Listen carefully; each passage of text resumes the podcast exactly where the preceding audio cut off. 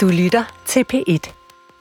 Og tak lige mod til Radiovisen. Det er Danmarks Radio Program 1. Klokken er kvart over 12, og nu tager vi hul på to timers akkurat. Det er godt et døgn siden, knap og nap, at nyheden om Søren Pape Poulsens alt for tidlige død nåede ud gennem medierne. Martin Lidegaard, hvad var det første, du tænkte? Det kan ikke passe. Øh, for jeg sad med Søren Pape i onsdags øh, sammen med ham og Alex Vanderpslag og gik hele øh, verdens tilstand igennem, og der øh, oplevede jeg en fuldstændig øh, frisk og, og øh, hårdt slående øh, Søren Pape, som øh, i vanlig stil øh, var med til at diskutere vores øh, strategier og, og, og Danmarks fremtid. Nu spurgte jeg Frederik Vad før, sætter det her tanker i gang, Martin Lidegaard, også om, hvad politik er, hvad man når, hvad man ikke når, hvad man opnår, og hvilken pris der er betalt undervejs? Men selvfølgelig gør det det. Det gør pludselig dødsfald altid. Altså, jeg tør ikke gisne øh, om, øh, hvad der er, er, er baggrunden for Sørens alt for tidlige død. Det er heller ikke passende, synes jeg. Men man skal jo være øh, blind og døv for ikke at se, at, øh, at dansk politik øh, er blevet hårdere at være i de seneste 10 år. Øh, og selvom Søren var øh, et meget robust og sundt menneske, sådan oplevede jeg ham, øh, så har det selvfølgelig også lidt på ham.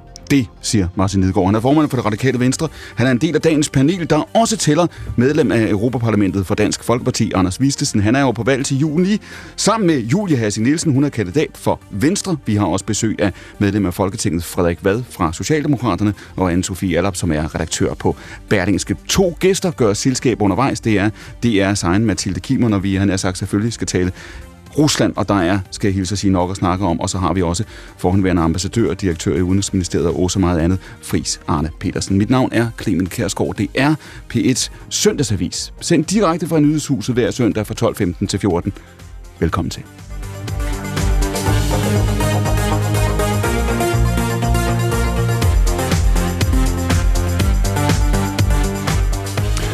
Og så starter vi lige med at skrue tiden tilbage til september. Verden kræver virkelig noget af os for tiden. Det har den gjort før. Så tiden kalder på erfaring. Den har vi. For vi har værdierne til at bære os sikkert igennem kriser. Og vi har prøvet det før. Vi har som parti en over 100 år lang historie. Og vores værdier er blevet trygt testet mange gange. Og hver gang har familiernes omsorg, det personlige ansvar i de nære fællesskaber og vores kærlighed til Danmark vundet. Så kære venner, der er brug for os som aldrig før. Det er nu, vi skal videre. For det er nu, vi skal være noget for andre. Tak for ordet. Der klappede de af ham. Det var de konservatives landsråd i efteråret. Det der jo altså blev, ved vi nu, Søren Pape Poulsens sidste tale til landsrådet Martin Lidegaard, da Pape Poulsen var gæst her i programmet. Det er ikke længe siden. Der talte vi blandt andet om den, kan man sige, omskiftelighed, der er i politik, og Pape havde den pointe, da han sagde, partierne har ikke længere de samme, kan man sige, faste vælgergrupper og de samme faste vælgersegmenter, som man har haft øh, før. Det har kendetegnet hans tid som partiformand. Du har jo fulgt med ham, du var inde på det før, også de senere år her. Er der også noget af det, når man taler sociale mediers pres, de rigtige mediers pres, når vi taler om alle de udfordringer, vi skal diskutere også om lidt i, i udsendelsen her. Mange af dem er ting, som ingen af jer heller ikke jer, der er partileder, havde drømt om, tror jeg, I ville stå over for, for, for fem år siden, i hvert fald for, for, for, for ti år siden. Hvor meget betyder det? Hvor meget betyder det, at partierne ikke er, hvad de, er, hvad de har været, og at man ikke nødvendigvis skal være sikker på, at de vælgere, der stemte på en for 10 år siden eller 20 år siden, gør det igen i morgen? Jamen, det betyder, øh, det betyder ret meget. Altså, lad mig starte med at sige trods alt, at, at for 10 år siden var det også hårdt at være toppolitiker, og der mm. var også drøn på, og, øh, og sådan har det altid været, og det kan ikke være anderledes. Øh, så der er en grund til at lave sådan en, en klynkekoncert ud, øh, ud af det. Men det er klart, at der er to ting, og der er faktisk jo lige kommet en stor undersøgelse af det seneste valg, øh, der bekræfter det, vi taler om her. Der er i hvert fald jo to ting, der har øh, forandret sig ret meget på de 10 år, som jeg i hvert fald har oplevet. Det ene, det er hastigheden, mm. hvormed at nyhedsstrømmen kværner afsted, og at man skal forholde sig til alt muligt ude i den verden, der forandrer sig voldsomt hele tiden også, men også herhjemme. Øh, og mediebilledet er blevet kan man sige, nyhedsstrømmen er blevet øh, forstærket øh, voldsomt i de 10 år. Der er simpelthen flere nyheder, der er flere medier, der er flere ting, man skal forholde sig til. Det er det ene. Og det andet er, at øh, det er rigtigt, at dansk politik er blevet øh, betydeligt mere personborget. Ifølge den undersøgelse, jeg lige refererede til, så er mm. det Øh, vælgerne kender næsten kun en eller to øh, fra mm. hvert parti, og det er selvfølgelig naturligt partilederen, der derfor også bærer en meget stor Øh, ansvar for, om det går godt eller dårligt for partiet. Mm. Frederik, hvad er du gået fra at være øh, ungdomsformand, og du har vel i virkeligheden gået ud fra i mange år tænkt, at du skulle ind og have en karriere i, i, i politik. Nu skal vi lige understrege, at vi, vi aner ikke, hvad Søren Pape Poulsen er død af i går. Grunden til, at vi diskuterer, eller vi, hvad årsagen er til hans blodprop, grunden til, at vi diskuterer det her, det er jo, at det også på en eller anden måde er med til at skære et stykke, lille stykke Danmarks historie ud om den tid, han har været partiformand i. Du har selv oplevet, Frederik Vad, også de seneste måneder efter starten på Gaza-krigen, hvordan diskussionen er, hvor debatten er, også på de, på de sociale medier. Skaber det tanker hos dig omkring, hvad jeres rolle er, hvad politikernes rolle er, hvor svært det er, når man ser på Søren Papes karriere fra enorm skyhøj succes, han stod til en øh, enorm triumf ved valget, det er ikke ret længe siden, og så til dybest set det, det modsatte. Skaber det nogle spørgsmål for dig om, øh, om politik er prisen med? Ja, det gør det rigtig meget. Altså, jeg har jo selv fået hemmelig adresse herinde for de sidste par måneder, øh, efter min, min egen øh, øh indsats i diskussion om antisemitisme. Og altså, det skaber da øh, enormt mange tanker. Øh, jeg tror, jeg synes, det der er allersværest, det er på en eller anden måde at holde sin hjerne sådan øh, klar. Altså, som Martin er inde på, der har jo altid, øh, kunne jeg forestille mig, været et fysisk arbejdspres. Men den måde, teknologien fungerer på nu, den måde, hastigheden er skruet op for, øh, den måde, øh, algoritmerne fungerer, gør et eller andet ved vores hjerner, som gør de strategier, man normalt bruger for at være klar i hovedet og mm. ting fra sig og sådan noget, de strategier bliver udfordret hele tiden. Og det, det er helt klart det mentale, som jeg selv synes er sværest. Øh, det fysiske arbejdspres, det kan, det kan man håndtere, men det, det er det mentale, der er svært. Hvor alene føler du dig, Frederik, når I sidder i det her? Fordi det er jo også noget af det, der har ændret sig omkring, hvad et politisk parti er. I gamle dage, way, way back, der var man ude, så var man ude i vælgerforeningen, så mødte man sine medlemmer, mm. man læste de aviser, hvis synspunkter man kendte. I dag sidder I der selv morgen, middag og aften, hvis I vågner om natten og tjekker de sociale medier, så kan I læse noget, som I har svært ved at falde i søvn øh, efter at have set. Hvor meget betyder det? Altså, hvor let er det øh, at føle sig alene? I det? Uh, det, det, det er et meget sådan uoverskueligt spørgsmål. Jeg, jeg synes, man er alene. Altså, det er jo også privilegeret at være politiker, som, som Martin er inde på. Det, det skal heller ikke være en klynkeforestilling. Mm. Men øh, vi er for dårlige til at passe på os selv, og vi er for dårlige til at passe på hinanden, og vi øh, regner med, at nogle andre end os selv skal løse de her udfordringer, vi taler med omkring den måde, vi arbejder på, den måde, demokratiet fungerer på, den diskussion, vi har. Mm. Øh, vi siger det i medierne, medierne siger det også. Øh, der er et eller andet her, som, som ikke hænger sammen. Øh, og jeg har ikke selv greb om det. Jeg kan bare konstatere, at øh, ens hjerne bliver øh, udfordret, synes jeg, i de her år på en eller anden særlig måde. Julie Hassing Nielsen fra Venstre, jeg nævnte før, du er kandidat til øh, Europaparlamentet. Er det, er det en attraktiv øh, tilværelse? Det er en attraktiv branche, du, øh, du gerne vil stemple ind i her? Du... Det er et godt spørgsmål, fordi, fordi jeg er jo helt ny i det. Og jeg kan sige, at øh, jeg, er jo, jeg er jo først lige nu startet en valgkamp. Øh, men, men allerede nu kan jeg godt genkende til det, det krydspres, som, som der er flere af, af mine kollegaer, som ligesom siger herinde, det der med, at der bliver hele tiden stillet krav til, at du skal være, du skal være online, du skal være på, du skal have en holdning, du, skal, du, skal hele, du bliver hele tiden presset ud i situationer, hvor, hvor du er på. Og det kan jeg godt, nu kommer jeg fra forskningsverdenen, hvor det går lidt mere langsomt, der er måske også mm. lidt mere dybt. Og det kan jeg godt se, det kan godt give nogle udfordringer. Anders Vistesen, man kan sige, at de 10 år her, når man i de kommende dage taler om Søren Pape Poulsen, hvor det konservative øh, parti skal hen, så vil man jo diskutere, jeg nævnte også før, de her op- og nedture. Du er jo øh, medlem af et parti, Dansk Folkeparti, der har prøvet op- og nedture. Jeg kan se, at du sidder og falder i staver. Jeg kan se, at du gennemlever alle op- og nedturene lige nu. Øh, Anders, er der, er der noget med det her? Fordi når man taler om, når Lars Løkke siger i går, at vi er nødt til at have en debat om, om, om, om vilkårene i dansk politik. Er det realistisk, tror du? Kan man tage farten ud af det? Kan man tage brutaliteten ud af det? Er det muligt? Ja, altså, jeg synes, man skal prøve at skille tingene lidt ad. Altså, jeg, var jo, jeg har jo selv boet i, i Viborg, da Søren var borgmester der, så jeg har mm. kendt ham og fulgt ham i, i mange år. Jeg tror egentlig ikke, at det her det er en debat, sådan, sådan, som jeg har kendt Søren, som han egentlig har, har ønsket, at det her det skulle afstedkomme. Derfor kan vi godt principielt have den. Jeg tror, øh, jeg tror ikke, man skal generelt klynk som politiker. Øh, det synes jeg der, ikke heller. Der, men der er mange, der vil sige, Anders Vist, sådan almindelige mennesker, som har fulgt, som måske aldrig stemt konservativt, aldrig været medlem af partiet, som har sagt, prøv at høre, det han er, er, er gået igennem, det han gik igennem i den sidste valgkamp, ved du hvad, det var faktisk nogle udfordringer, de ikke ville ønske for deres værste fjende. Ja, og det, det er jo egentlig også det, der var, jeg var på vej hen ja. til, men du, du, er også, du, du, du kommer altid foran, Clement. Det er jo det, det er derfor, du har været her så mange år. jeg synes, hvis man skal pege på noget ved Søren, så er det måske, at vi skal passe på, at vi ikke bliver lige så personfixeret. Nu, nu kommer jeg jo også øh, lidt ned i EU en gang imellem, og jeg kan se noget, pressen i nogle af de lande, vi, engang imellem lader op af, altså UK, USA og sådan nogle steder, øh, der, der tror jeg, vi skal passe på med, at vi ikke går lige så langt ned af den der meget personfixerede journalistik, og der synes jeg da selv, når man fulgte valgkampen, folketingsvalgkampen, sådan øh, lidt fra sidelinjen, at at der var nogle helt legitime historier om det konservative folkeparti, men jeg synes også, det blev meget personbåret mod, øh, mod Søren og, og hans person på et tidspunkt. Og det, det skal vi nok passe på med, om det er den øh, retning, vi gerne vil sætte for vores demokrati. Jeg tror ikke, det er noget, der gør noget godt øh, for, for ret meget. Aller er nu igen tilbage til Søren Papes pointe, da han var med herinde sidst, hvor han sagde det der med, at vi har ikke de vælgergrupper, vi havde før i gamle dage, da landmændene stemte Venstre, og arbejderne stemte Socialdemokratiet, så det er godt nok meget, meget længe øh, øh, siden nu.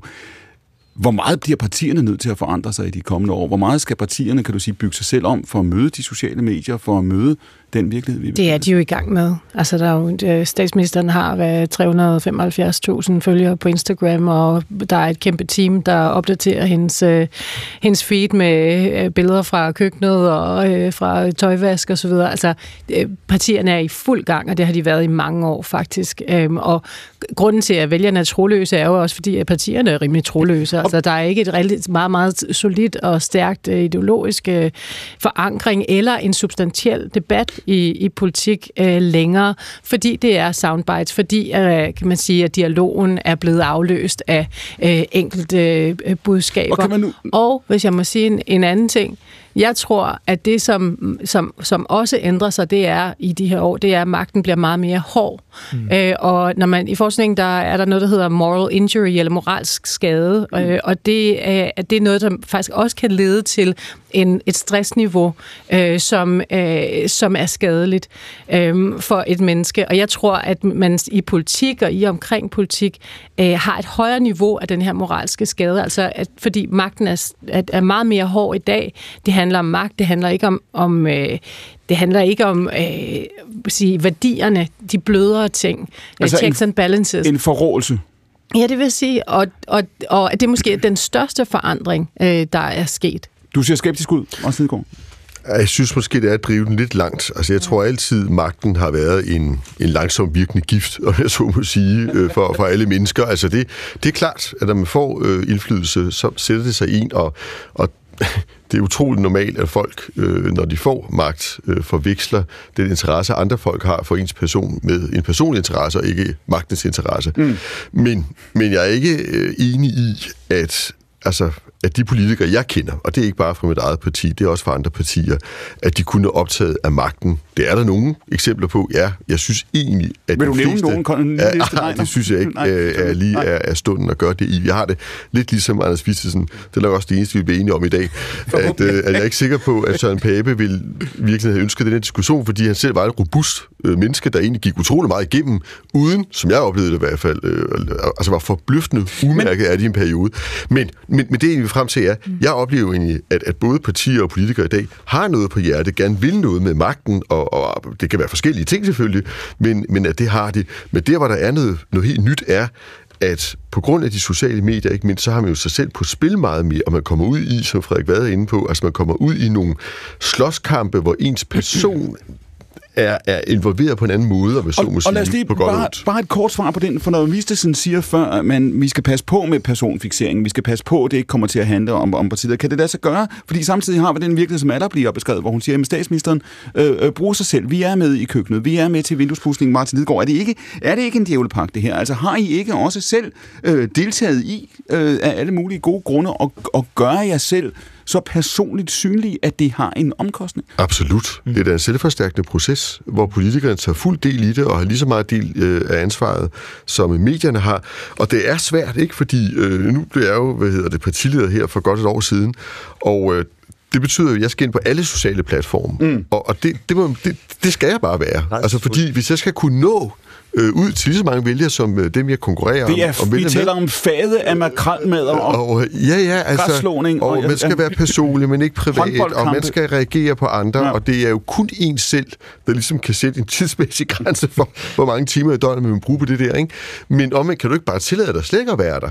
Øh, men, men der var du også med til at forstærke og føde, kan du sige, dyret, øh, hvis man kan kalde det det, i den her accelererende øh, strøm af nyheder og holdninger og, og, og ting, der flyder gennem atmosfæren. Men du siger, at hvis der var nogen, der havde havde øh, sagt til Søren Pape, vi kommer til at diskutere det her politiks hårdhed, så ville han have sagt, ah, snakke noget andet? Jeg tror i hvert fald, han vil sige, at det med, at, øh, at han var for, for varm til at være i en kold øh, virkelighed og, og, og for, for blød og sådan noget. Altså, øh, jeg opfatter en ham som et, et ekstremt robust menneske øh, i forhold til, hvad han har været igennem. Jeg synes også, at det var blevet for personligt under valgkampen til min smag.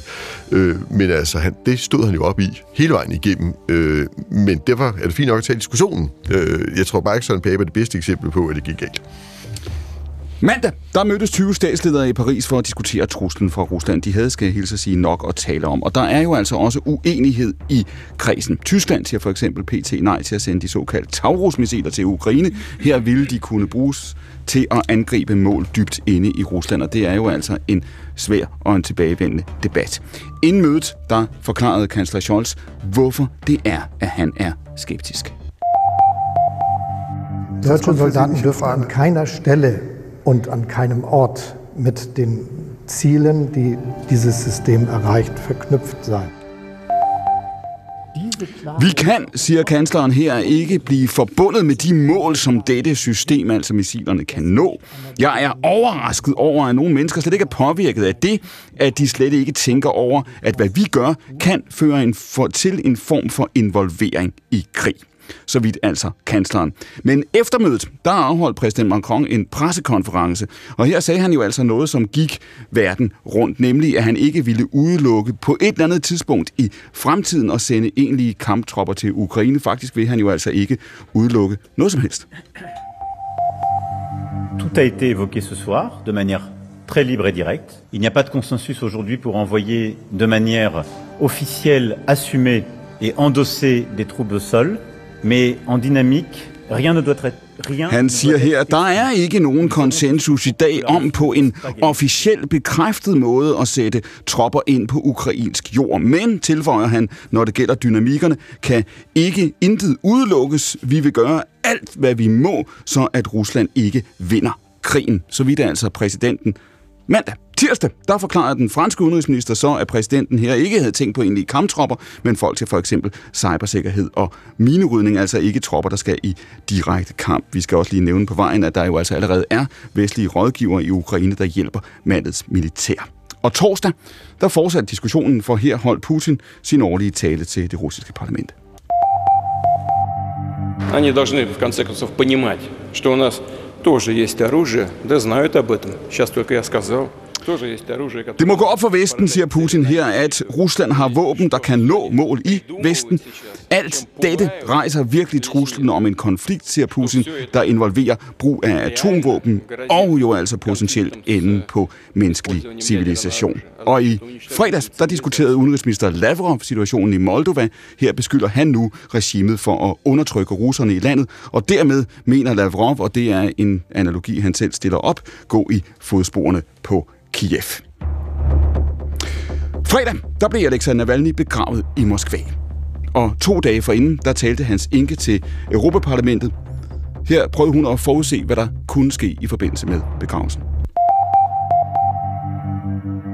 The funeral will take place the day after tomorrow.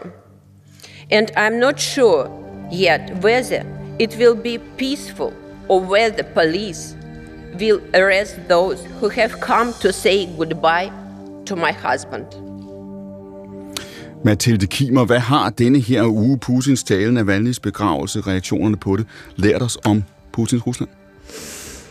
Øh, ja, det har jo i hvert fald øh, lært eller vist os, at der stadigvæk er en, øh, en gruppe mennesker i Rusland, som tør at gå på gaden, Øh, det har de ikke gjort i to år, øh, og det har de ikke gjort, fordi at det næsten per automatik udløser enormt store bøder øh, eller frihedsprøvelse, øh, i det hele taget konsekvenser for en selv og ens familie. Men de var på gaden. De var på gaden for at lægge blomster, og gjorde det jo til en form for politisk møde også, for de begyndte også at råbe øh, Rusland uden øh, Putin og andre slagord, som Navalny jo i næsten to årtier har stået i spidsen for. Og prøv at tage os lidt ind i de overvejelser, altså også hen over de sidste år. Vi havde jo altså Wagnergruppens march mod Moskva øh, sidste sommer. Det her sted kom alle mulige spekulationer også i Vesten om, hvordan det må øh, øh, så ud. Så har man det her. Hvad, når du taler i, i sin tid, når du mødte de her mennesker, Mathilde Kim, både dem, der skal vi sige, er mere aktive dissidenter, og dem, der måske kun i gåseøjne en gang imellem går med øh, til noget, eller gør noget, som de godt ved kan have altså blodige konsekvenser for dem selv og deres øh, øh, familie. Hvad, hvad tænker de om det? Hvorfor gør de det? Jeg tror, at de fleste af dem, der tør at gå på gaden, de gør det, fordi de ikke kan lade være. Mm. De gør det, fordi de ikke tilhører den øh, majoritet, som har øh, det, en god kollega kaldt tillært ligegyldighed. Øh, den her sådan russiske apati, man har en fornemmelse, en følelse, en forståelse af, at det er lige meget, hvad man som individ gør. Det kommer ikke til at ændre noget som helst. Mm. Så det er klogere for mig at lade være. Tillært ligegyldighed? Ja. Men det er jo fordi, jeg tror jo ikke på, at russere sådan øh, bliver født ud i, øh, i apati og ligegyldighed og et ønske om at være domineret af en stor, stærk mand. Altså selvom det er en, en fortælling, jeg nogle gange øh, hører russere beskrevet som. Men hvis man gang på gang bliver dunket oven i hovedet øh, og kun ser de negative konsekvenser ved politisk aktivisme, mm i, så kan man jo lære sig selv at være ligeglad. Man kan sige til sig selv, at det er vigtigere at få sået nogle kartofler eller øh, besøge bedstemor, end at mene noget om, hvor ens samfund er på vej hen. Det her med Navalny, prøv lige at tage os ind i det. Vi er jo på vej mod, der er mindre end to uger til det russiske øh, præsidentvalg, som jo finder sted lige om, om et øjeblik. Hvor meget opmærksomhed er der om det her? Altså i et land, hvor medierne er så statskontrolleret, som de er, hvor, hvor prænant en figur har Navalny været? Hvor meget har han fyldt sådan i den almindelige russiske offentlighed? Oh. Altså, der er, en, der er ikke ret mange russere, der ikke længere ved, hvad han hedder. Nej. Eller hed. Øhm, fordi han jo trængte sig på Mm. Altså hver gang man lukkede en dør for ham, så kravlede han ind af et vindue eller mm. en, en, en brevsprække. Ikke? Og, og det, der egentlig var, var ret fantastisk ved hans projekt, det var, at det lykkedes ham, til trods for, at han var forbudt på alle de store platforme, øh, og, og, men han fik ikke lov at starte partier, mm. så fik han skabt en organisation, der stadigvæk var landsdækkende. I det her gigantiske land, der var han og hans stab til stede i alle større byer. Så mm. derfor mm, så vidste man, hvem han var. Så var der jo nogen, der abonnerede på, øh, på tanken, at han var sådan en vestlig agent. Øh, nogen øh, købte ind i myndighedernes præmis om, at han var ekstremist mm. og ude på og, og, og sådan for hele Rusland til at gå i stykker, ikke bare Putin og hans projekt. Mm. Øhm, og så var han jo for, for rigtig mange, formentlig millioner af mennesker, øh, en, en vaskeægte held. Altså han var håbet om, at Rusland kunne gå en anden vej. Og timingen her, altså hvis vi lægger til grund, at regimet står bag hans død, timingen, Mathilde, at det her, det sker, og når den konklusion, det gør et par uger inden valget, er det tilfældigt? Altså, det, det er jo enormt svært at, øh, at spå om nu. Hans egen stab og de journalister, der har haft allerbedst adgang til hans stab, de siger jo, at de inden for en måned vil konstatere, hvad der reelt var hans, øh, hans dødsårsag. Mm. Men når du hører hans enke og også folk omkring ham tale, så kan man sige, så så mener de jo, at det er jo styret lige meget hvad, der er skyld i hans død. Først så prøvede de at forgifte ham, så smed de ham ind i en lille øh, iskold celle og, og torturerede ham i, i tre år. Om det så var en blodprop eller et hjertetilfælde, eller hvad det var, der endelig tog livet af ham, det, det tror jeg ikke, de synes er afgørende. Anders Vistesen, det der jo måske er den største diskussion i Europa i øjeblikket, også kvæg topmødet i Paris i mandags, det er jo i virkeligheden, hvad gør vi? Altså, hvad gør Europa ved, ved, øh, ved den her virkelighed? Når du hører Mathilde Kimmer beskrive det nu, og vi følger udviklingen i Rusland, også efter krigens start for øh, to år siden, tænker du, hør, hør her, der er ikke noget at diskutere. Vi befinder os, hvad enten vi vil det eller ej, i Europa i en langvarig, kold krig med Rusland, og måske er kold krig endda det bedste scenarie. Tænker du, det er sådan, det er?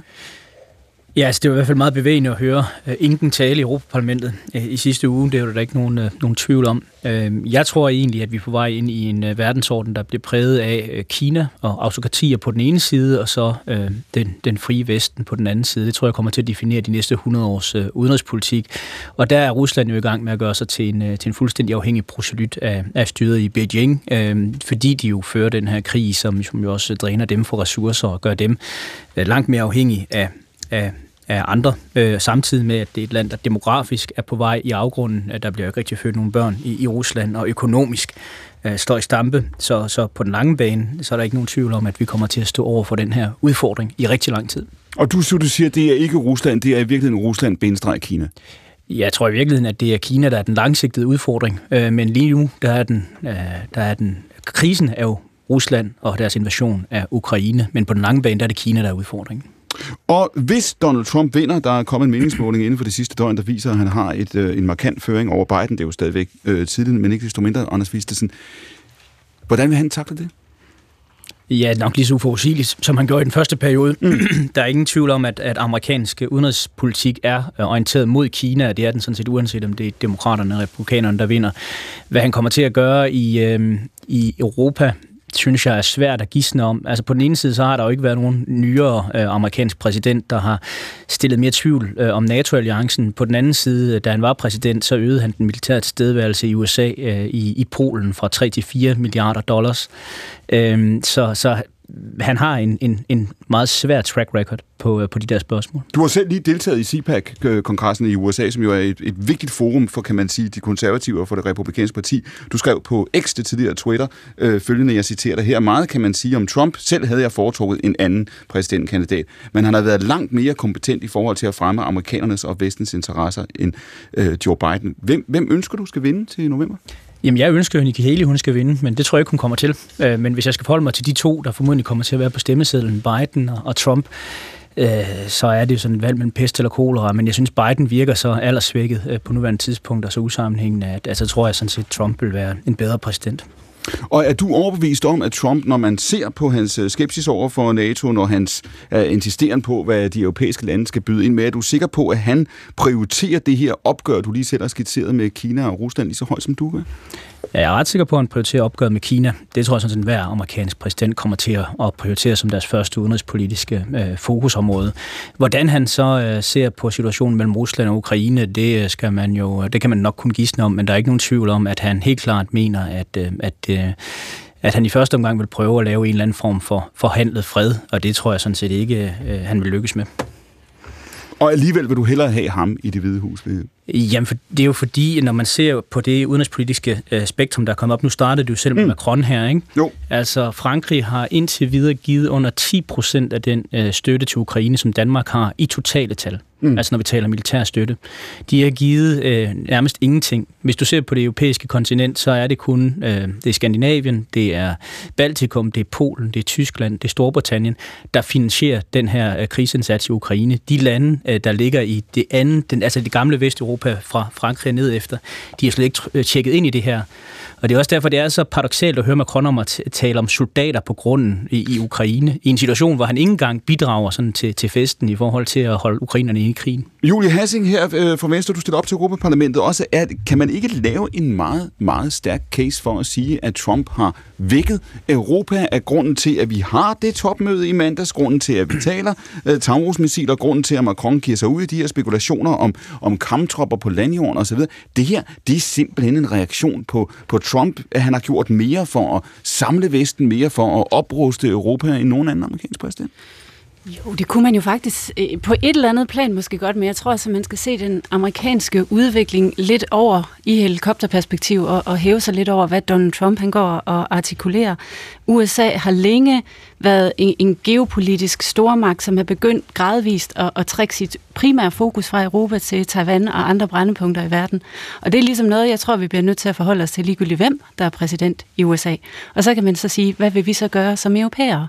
Hvis det forholder sig således her, hvad skal vi så gøre? Og så er det jo så, at man mødes blandt andet i Paris og siger, så må vi jo selv opbygge vores egen forsvar- og sikkerhedspolitiske kapacitet for ligesom at og nu stå på egne ben. Og nu hørte vi dem begge to før. Vi hørte kansler Scholz, øh, EU kan øh, ikke gøre ret meget, hvis ikke Tyskland er med ombord. Vi hørte Macron før, han siger noget mandag. Han sender sin udenrigsminister ud, hvis det var det, der var tale om tirsdag for at øh, berigtige det her. Det virker jo ikke, Julie, som et Europa, der står forenet i er få måneder fra et Europaparlamentsvalg. Har Anders Vistesen ikke en utrolig god pointe, når han siger, prøv at høre, vi er afhængig af USA, han er sagt måske mere lige nu, end vi har været øh, længe, fordi når Frankrig og Tyskland i offentligheden i den her uge kan være så uenige om Ukraine, så viser det, hvad Europa kan, og det er meget lidt. Jeg synes, det er beklageligt, at, at der er så stor uenighed i så stor i, i, i offentligheden, kan man sige, for det sender jo et signal til Moskva. Øh, og på det, det plan, så ærger det mig, at, at man ikke ligesom står, står mere skarpt også i den kommunikation, man har eksternt.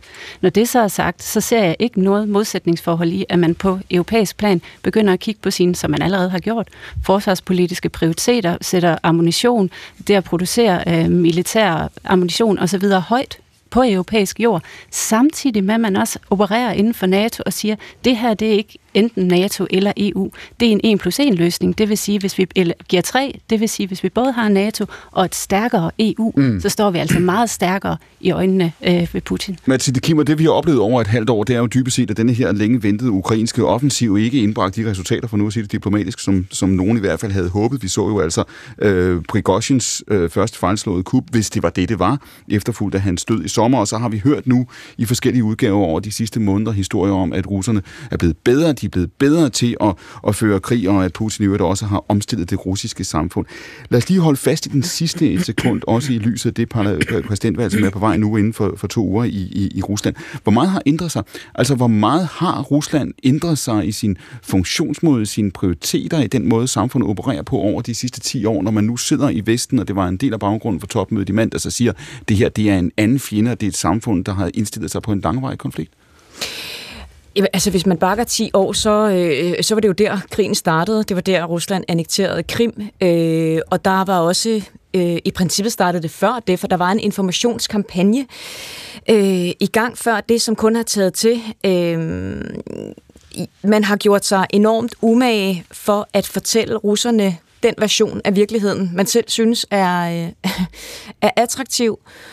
Og det jeg selv ligesom hører, når vi kigger efter, altså to år efter invasionen, det er, at, øh, at rigtig mange russere, som ikke var tilhængere af krigen, nu føler, at man alligevel er nødt til at bakke op om den, fordi udsigten til et nederlag mm vil få så store også personlige konsekvenser for dem. Altså, jeg har læst adskillige folk skrive, at de har simpelthen ikke råd til at tabe den krig, for de ting, jeg kommer til at betale krigsskadeerstatning øh, resten af mine dage og mine børn med, så nu er vi nødt til at vinde den her krig.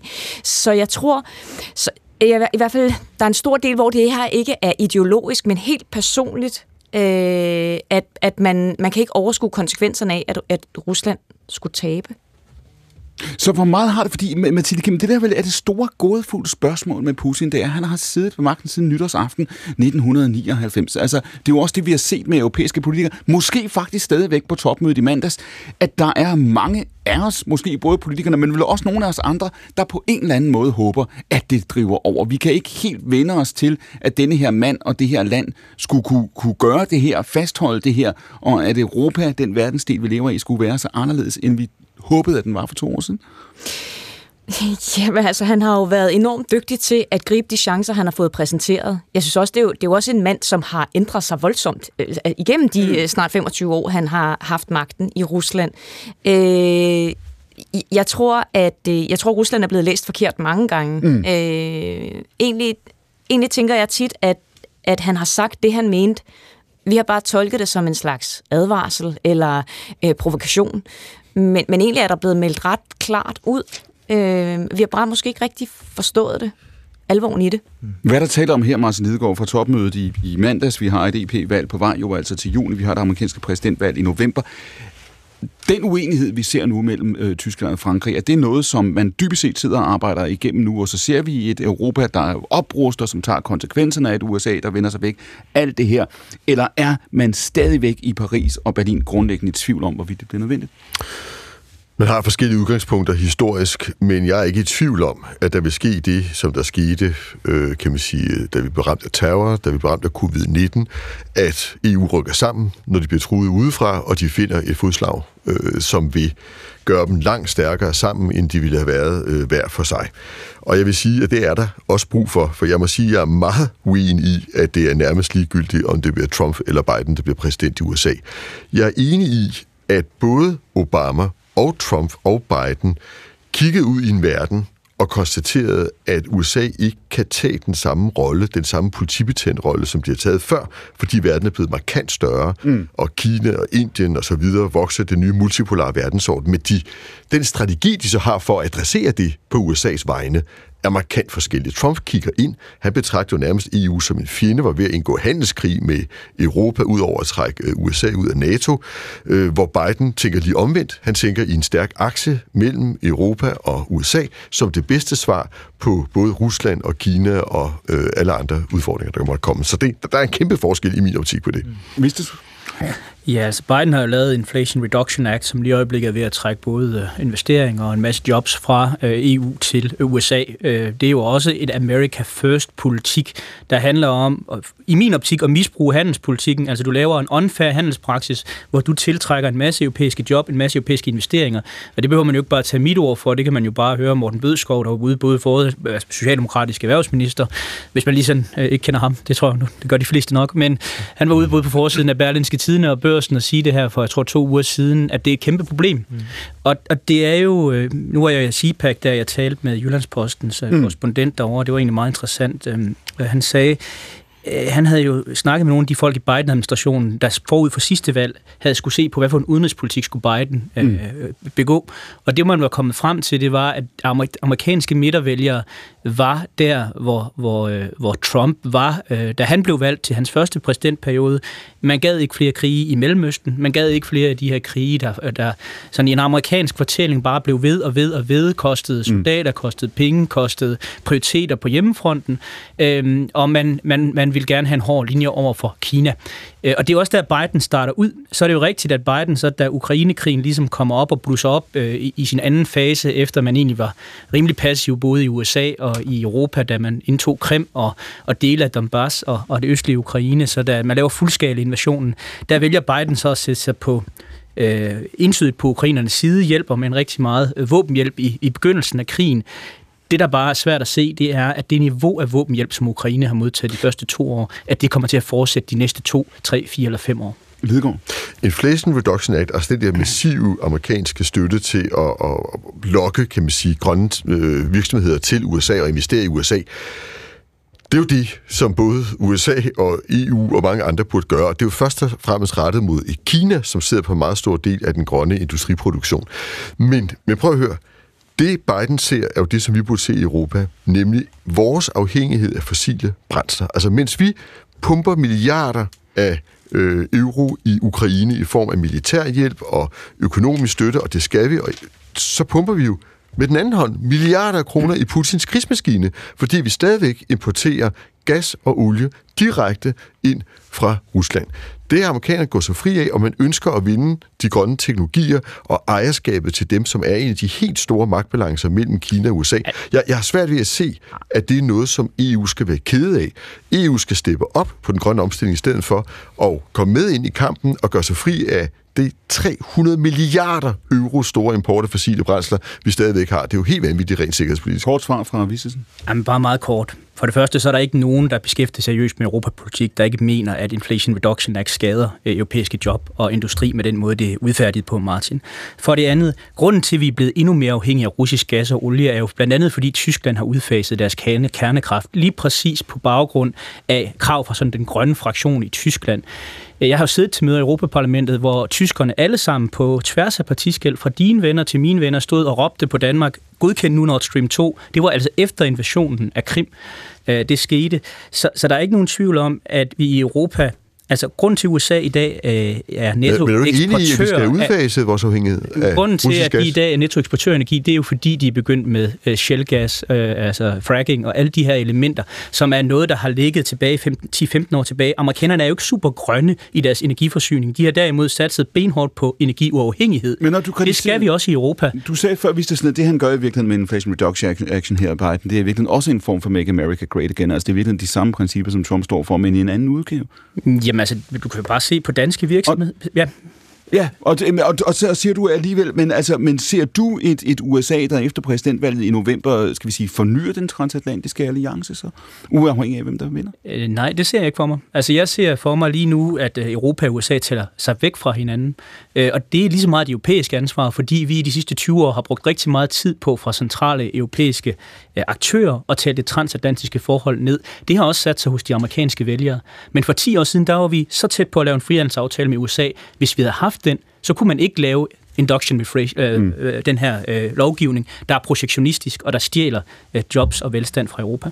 Vi skal lige vende os også, Mathilde Kimmer, mod Moldova. Jeg nævnte det før, det har jo altså også været på nyhedsdagsordenen. Nu Lavrov har øh, jo altså været ude at diskutere spørgsmålet denne her uge. Han sammenligner regimet i Moldova med det i Ukraine, altså som nogen, der vender sig mod det russiske øh, mindretal og til fordel for, for vestens interesser. Hvor bekymret skal vi i Vesten være for det?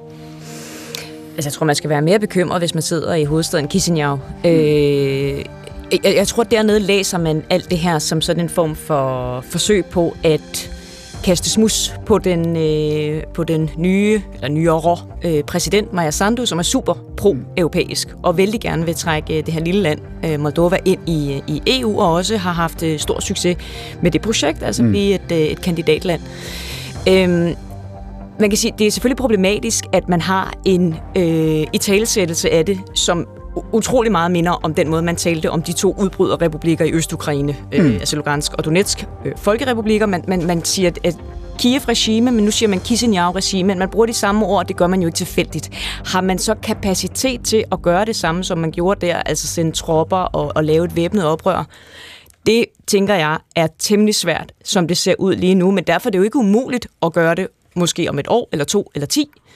Øhm, så, så jeg vil sige, det der med at være bange for, at der lige om et øjeblik er en, at krigen er udvidet til Moldova, det, det tror jeg ikke.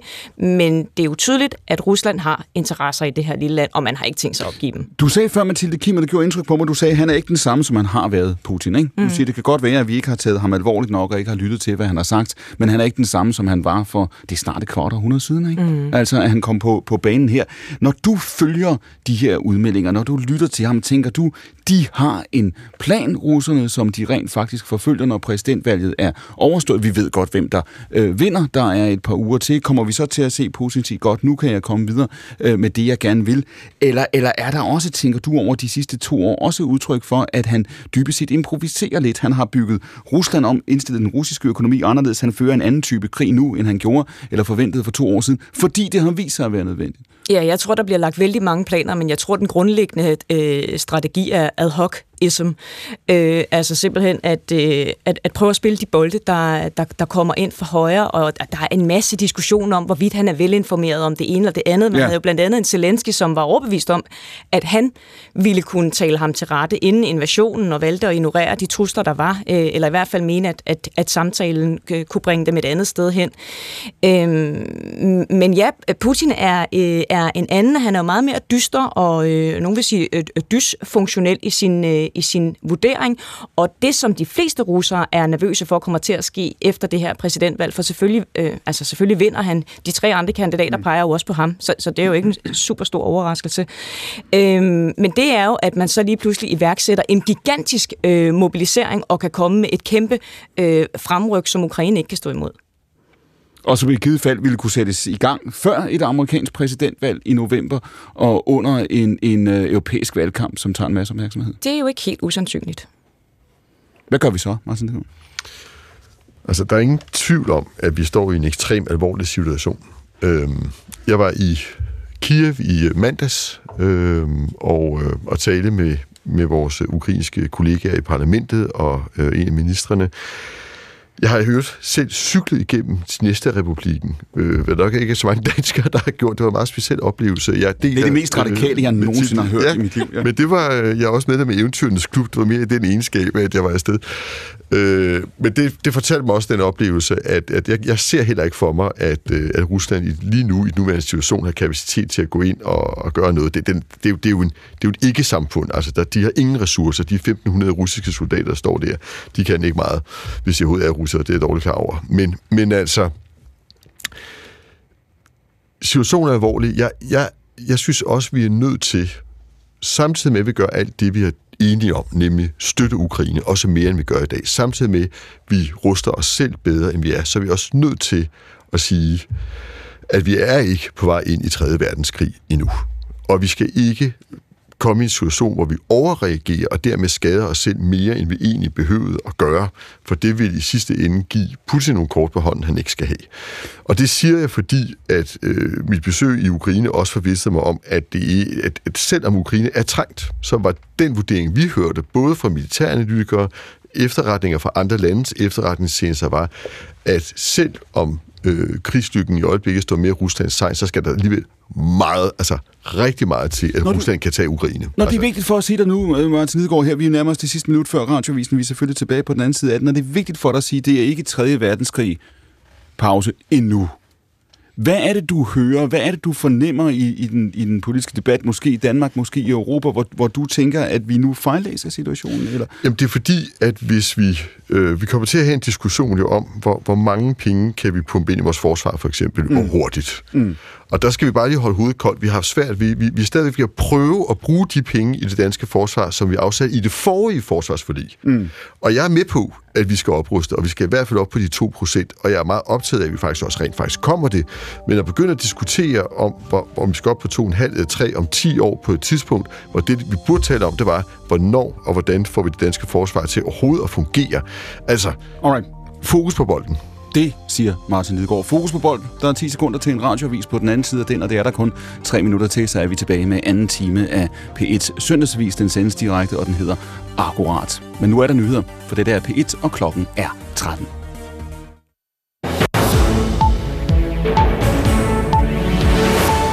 I dag bruger de konservative dagen på at mindes deres nu afdøde formand Søren Pape Poulsen. Han blev i fredags ramt af en blodprop og døde på hospitalet i går. Det har efterladt partiet i chok, fortæller politisk ordfører Mette Abelgaard. Vi kommer til at mødes, hvor vores dygtige medarbejdere, med vores hovedbestyrelse, med vores folketingsgruppe, Snak det hele igennem. Vi kommer til at mindes øh, Søren, vi kommer til at synge, øh, og der kommer også til at være mulighed for at, at tale med en professionel omkring alt det, der er sket. Det er Michael Siler, der nu er fun- fungerer som øh, formand i partiet, og når partiet er klar til det, ja, så skal de til at finde ud af, hvordan partiet kommer videre, og hvem der skal lede det. Det forklarer politisk korrespondent Christine Kortsen. Så man kan vælge måske at finde en ny øh, formand, som også skal være politisk leder, og holde et ekstraordinært landsmøde og, og vælge en ny sådan inden for rimelig kort tid. Men man kan også vælge at køre med øh, Michael Siler som fungerende formand frem til det ordinære landsråd i september, og så vælge en politisk leder, og så give sig selv lidt tid til at finde ud af det. Under alle omstændigheder tror jeg, at det er noget, der vil tage lidt tid, fordi partiet er et parti i chok lige nu. Siden 2014 har han haft sin daglige gang på Christiansborg som partileder for de konservative, og her vil han blive savnet. Det fortæller Martin Lidegaard, politisk leder for Radikale Venstre. Søren var et utroligt ordentligt menneske. Han hvilede i sig selv på en måde, som ganske få politikere gør. Han var sig selv. Formand for Dansk Folkeparti, Morten Messersmith, vil først og fremmest mindes sin kollega som en rigtig god ven. Søren var rigtig nem at være, at være og blive ven med. Øh, altid jovial, respektfuld, i godt humør. Sådan føltes det i hvert fald. Øhm, og derfor vil der være et kæmpe tomrum på Christiansborg og i vores hjerter efter ham. Søren Pape Poulsen var borgmester i Viborg fra 2010 til 2014. I 14 blev han så valgt som de konservatives nye formand, og i 2016 kom han med i regeringen med Venstre og Liberal Alliance, hvor han frem til 2019 var justitsminister. Søren Pape Poulsen blev 52 år gammel. Danmark vil nu have undersøgt, hvad der egentlig skete, da et større antal palæstinenser blev dræbt i torsdags ved en nødhjælpskonvoj i Gaza. Det oplyser Udenrigsministeriet i dag i en e-mail til Ritzau. Den danske udmelding kommer efter en række internationale opfordringer til at få situationen undersøgt. Sundhedsmyndigheder i Hamas-kontrollerede Gaza har sagt, at israelske styrker dræbte over 100 mennesker, der forsøgte at nå frem til konvojen. Israel har sagt, at der blev affyret varselsskud, men at de fleste døde på grund af trængsel. Og så en vejrudsigt, den står på gråvejr de fleste steder. Der er tåge og dis derude med regn i perioder. Temperatur mellem 5 og 10 grader.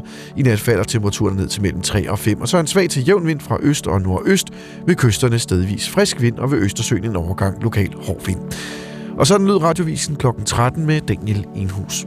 Tak til Radioavisen. Klokken er nu 13.03, og vi er tilbage her direkte fra Nyhedshuset i DR-byen frem til klokken 14. Julie Hassing, du er altså kandidat til Europaparlamentet for Venstre. Føler du dig overbevist om, at europæerne, også danskerne for den sags skyld, er klar til at, at sige, at vi har brug for mere EU? Det er mere EU, der er løsningen på alle de globale udfordringer, vi står overfor?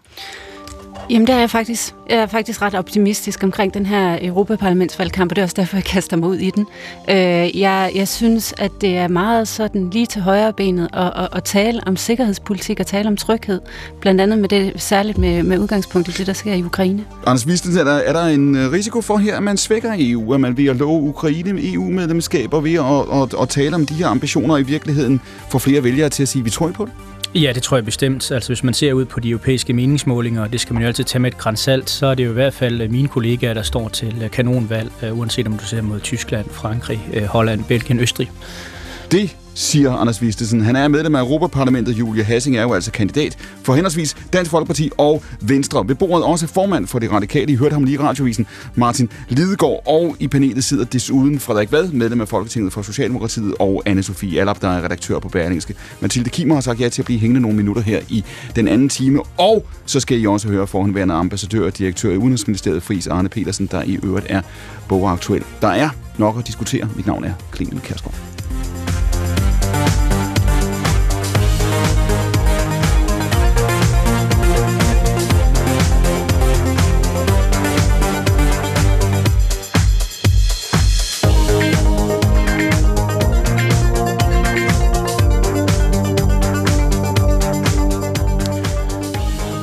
Torsdag aften, der var Michael Ehrenreich, forværende, foranværende journalist, redaktør, hofmarskal og meget andet gæst i debatten. Vi diskuterede stor politik, og der sagde Ehrenreich blandt andet sådan her. Clemen, skaden er sket. Når NATO har kunne blive den succes, øh, det har været gennem mange år under den kolde krig, så skyldes det, om Amerika har stået bagved, og at man har haft musketeriet. Trump har sået tvivl om begge dele for første gang i øh, alliancens øh, historie. Og øh, derfor, øh, vi må stadig håbe, at øh, Joe Biden vinder præsidentvalget, men det betyder ikke, at vi kan vende tilbage til øh, situationen for NATO, som vi var. Det vi hører Martin Lidegaard og Ehrenreich sige her, det er, at han siger, at skaden er sket, uanset hvem der vinder præsidentvalget i USA, så er NATO blevet noget andet, fordi at Trump grundlæggende har sået tvivl om alliancens logik. Er det rigtigt? Det er rigtigt og forkert. Altså, det er rigtigt nok, at det var ekstremt skadeligt, at Trump, øh, og er skadeligt, han stadigvæk øh, så, så, så tvivl om det. Øh, på den anden side vil jeg sige, at man skal huske på, bag ved alt det her bruger øh, NATO-landene stadigvæk omkring 20 gange flere ressourcer hvert år, end Rusland gør på sit militærbudget. Det er nok ændret nu med Tysklands nye krigsøkonomi, men sådan var det før krigen. Mm. Og Europa alene brugte 6-7 gange flere, så hvis vi brugte de midler markant bedre, og hvis vi samtidig stoppede med at fodre Putins egen krigsmaskine med import af hans gas og olie, så, så er vi jo, det skal vi bare huske på, langt øh, stærkere. Men det er dybt bekymrende, øh, hvis ikke USA og Europa kan holde sammen med den verdensorden, vi kigger ind i, om at beskytte sig selv og kæmpe for det demokrati og de værdier, som har fået os langt. Friis Petersen, nu har den her uge jo i den grad handlet om Rusland. Det startede jo, kan man sige, med, med topmødet i Paris i mandag, så har der været alle de udmeldinger, der har, øh, kan man sige, præget nyhedsdagsordenen den uge, vi har været igennem. Navalny's begravelse, Putins tale til parlamentet. Om et øjeblik, det, det russiske parlamentsvalg, så var der de russiske udmeldinger, hvis det er det, det er omkring øh, Moldova. Samtidig, de gange, du har været gæst her i udsendelsen, også over de sidste år, så har du også insisteret på at sige, at vi er også nødt til at se det bredere globale billede her. Vi er nødt til at på en eller anden måde at, at huske en kontekst og løfte blikket en, en lille smule. Nu sagde Vistesen i time 1. En ting er Rusland, noget andet er Kina, øh, der står bagved, og hvad vi i virkeligheden skal, skal indstille os på.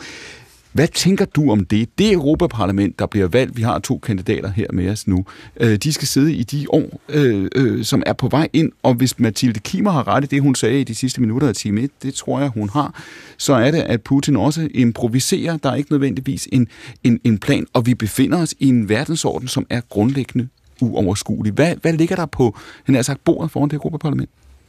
Jamen, jeg tror, det er rigtigt, at de fleste befolkninger i de forskellige EU-lande opfatter den her tid som meget farlig, hvor Europa skal styrkes, men hvor der er forskellige forslag til, hvordan det kan ske. Nogle vil gerne have et meget tættere europæisk samarbejde. Nogle vil gerne have et lidt mere nationalistisk styret EU. Det er en lang historie. Den tror vi kommer til at følge meget med i under Europaparlamentsvalget. Men jeg tror, de fleste erkender, at Europa er kun det, det er, en lille aktør i en multipolær verdensorden, som Martin Lidegaard sagde før. Og hvis vi små medlemslande, bag den, det er et lille land som Danmark, eller det er Tyskland, som er næsten 1% af verdens befolkning, der vil noget i verden, og blandt andet forsvare vores interesser på klimapolitik, på handelspolitik, på mm. sikkerhedspolitik, så kan vi kun komme til det sammen. Så jeg håber, at der i alle lande, også de store, de største EU-medlemslande, vil være en nøgtern realisme, ikke mindst takket være Putin. Og så er jeg nødt til at sige det, den amerikanske præsidentkandidat Trump, fordi hans tilgang til Europa, hans tilgang til NATO, er altså helt usædvanlig og uortodox, og det skaber forhåbentlig en ny helt nødvendig realisme hos os europæere. Man ved, når en tidligere topdiplomat bruger udtrykket uortodox, det er stærkt sprogbrug, ikke, Friisaren? Jamen, det, det synes jeg sådan set ikke. Det er mere for at karakterisere ja. det præcist. Og, og det er jo lige præcis det, han er. Det er jo fordi, han ikke holder fast i ortodoksi. Ortodoksi behøver ikke være godt. Konservatisme behøver ikke være godt. Men i tilfældet med vores europæiske transatlantiske sikkerhedsstruktur, arkitektur, mm. som til sommer, juli i år fylder 75 år, altså Washington-traktaten, der har den ortodoksi, som Michael Ehrenreich også prøver at beskrive i dit udmærkede debatprogram, jo sin egen logik og værdi, og jeg forstår godt, hvorfor Martin Lidegaard som dansk politiker og tidligere udenrigsminister prøver at balancere og sige, at Michael går for langt og siger, at skaden er sket, når en præsidentkandidat, tidligere præsident, siger noget, som jo i virkeligheden fuldstændig underminerer den centrale del af Washington-traktaten, altså artikel 5, musketeriden. Jeg er sådan set enig med Martin Lidegaard. Skaden er sket, men den er også alligevel ikke helt sket. Hvorfor ikke? Jo, fordi en af Putins vigtigste rådgivere, det er en russisk diplomat, Ushakov, som faktisk var nummer to på den sovjetiske ambassade i Danmark, den mm. 80-90 skete, taler glimrende dansk. Man har også været russisk ambassadør i Washington i otte år, og han ved godt, at man skal ikke tro på alt, hvad Putin og hvad Trump siger. Men de har et eller andet særligt forhold, som gør, at de godt ved, at der er nogle ortodoxier, nogle systemer inden for hvert lands systemer, der holder dem på plads i en eller anden udstrækning. Det vi kan frygte i Danmark, det er, at hvis valget den 5. november bliver vundet af Trump, så er han nok lidt mere konceptstyret, end han var de første fire år. Det ser ud, som om han har lært en hel del om udenrigs- og sikkerhedspolitik, og også andre spørgsmål. Og du siger, at det igen, altså hans udtale her, ikke, hvor han siger, jamen altså, hvis europæerne spørger, han genfortæller jo, det var det, han gjorde i en tale for et par uger siden, vi har diskuteret det i programmet også, hvor han siger, jeg blev spurgt af en stor europæisk statsleder, vil jeg beskytte Europa, hvis ikke at de betalte, hvad de skulle, hvor til mit svar var nej, jeg ville sige til, jeg ville sige til dem, altså russerne, I skal gøre whatever the hell you want. Du siger, at det her, det er, der har en række grundlæggende grundlæggende ret. Altså, NATO har ændret sig, fordi Trump dybest set er i gang med at lave vel også, friserne, en ny aftale, eller en ny kontrakt, eller en ny forventningsafstemning med de amerikanske vælgere om, hvad NATO betyder for dem, og hvilke ofre det kan kræve?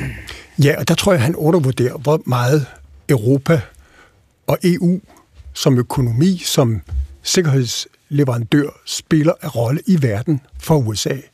Og det bliver han, tror jeg, gjort endnu mere opmærksom på næste gang, hvis han får chancen i det hvide hus. Jeg tror også, det hører med til billedet, at vi jo godt ved, at der er flere elementer i det her. Det han ikke vil, tror jeg, håber jeg, Trump, det er at betale så meget af den konventionelle militære maskines omkostninger for os europæere. Byrdefordeling i USA for os europæere, for hele verdens befolkning, handler om retfærdighed. Amerikanerne vil ikke, og det er altså ikke en stor overraskelse her 75 år mm. efter 2. verdenskrigs afslutning, længere betale regningen. Men det vigtigste, det er jo i virkeligheden de amerikanske atomvåbenparaply på Europa. Og den kan jeg ikke forestille mig, at han har nogen interesse i at opsige eller opgive. Det sidste, jeg er nødt til at sige, det er, at Putin og Ushakov, de ved godt, at han er sådan lidt uden koncept. Mm. Men de kender også sondring mellem de to ting her.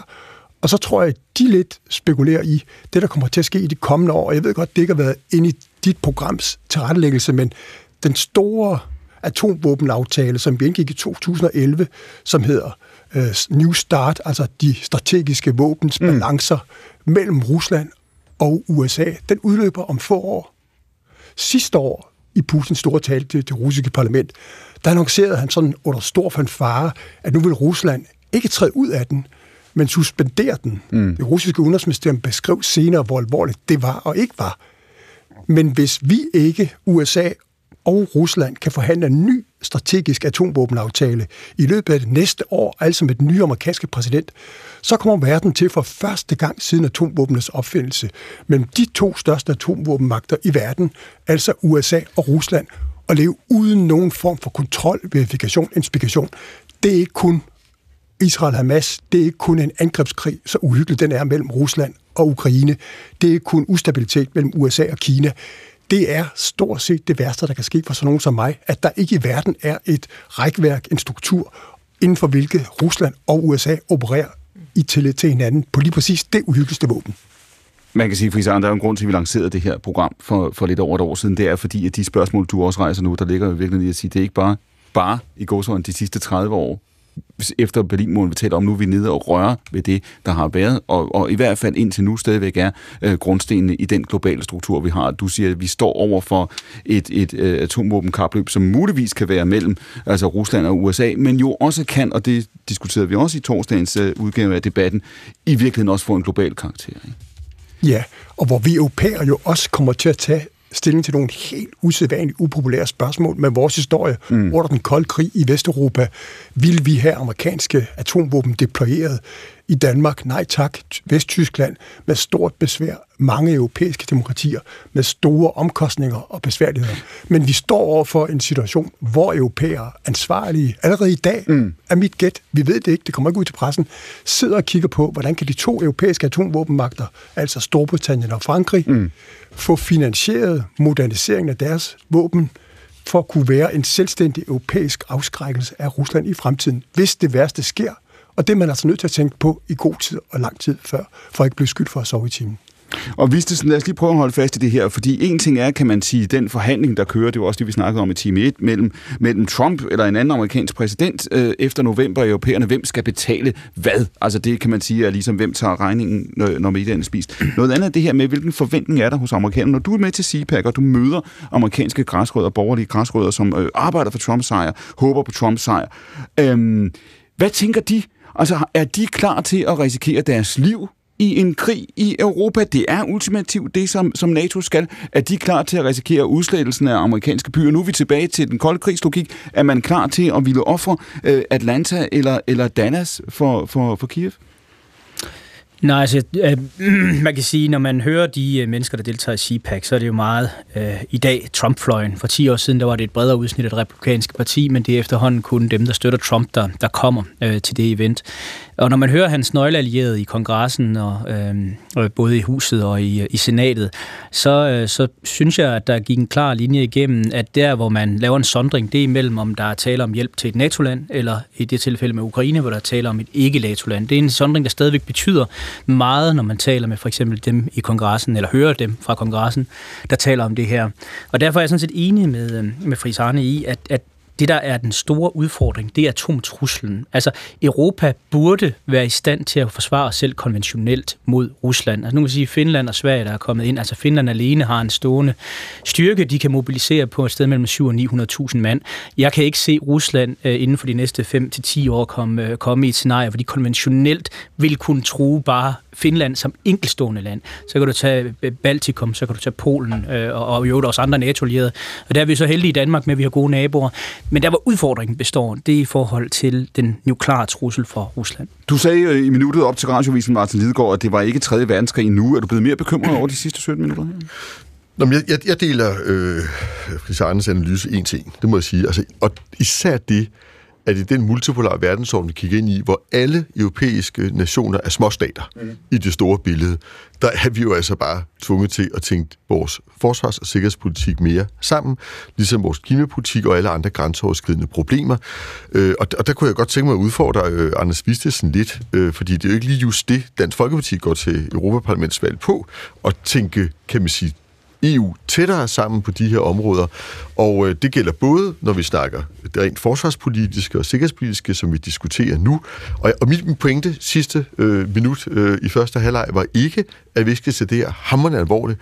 Det var, at vi skal balancere vores indsatser, så vi ikke skader os selv mere, end vi behøver. Og en af de ting, jeg virkelig savner, det er, at vi gør os mindre øh, sårbare i forhold til import af, af russisk olie og gas. Øh, Anne-Sophie, er uanset om man er Martin Lidegaard eller man er Anders Vistesen her, så har man nogle vælgere, øh, som man skal ud og overbevise om nødvendigheden af det her. Hvad tænker du? Hvad tænker du, når, fordi det, vi er i en anden verden, end vi var før det sidste Europaparlamentsvalg her. Hvad tænker du, at de europæiske vælgere er, er klar til at risikere og ville? Øh... Ja, ja det, jeg tror slet ikke, at der er nogen, der er klar til at sende deres øh, sønner afsted til Ukraine, for eksempel, øh, overhovedet.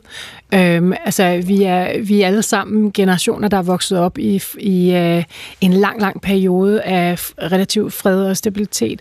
Øh, og det der med at, at øh, sætte vores eget liv på spil i en eller anden konflikt med Rusland. Øh, det, det tror jeg virkelig er op ad bakke. Øhm, Hvis, og, hvis du har ret i det, Anne-Sophie, ja. jeg, må, jeg må lige prøve at holde fast i den, fordi mm. hvis du har ret i det, og det er vel i virkeligheden den diskussion, der er ved at bryde igennem til overfladen i præcis de her måneder nu, på grund af alle de begivenheder, vi står her og diskuterer, mm. og på vej mod Europaparlamentsvalg, hvor man for to år siden tænkte, godt, der er et land, der er blevet overfaldet, vi forsvarer dem, man så den mobilisering også af den offentlige mening, man så også i Danmark. Alligevel siger du, vi er dybest set, har, vi har ikke tænkt det her igennem til sin yderste mm. konsekvens.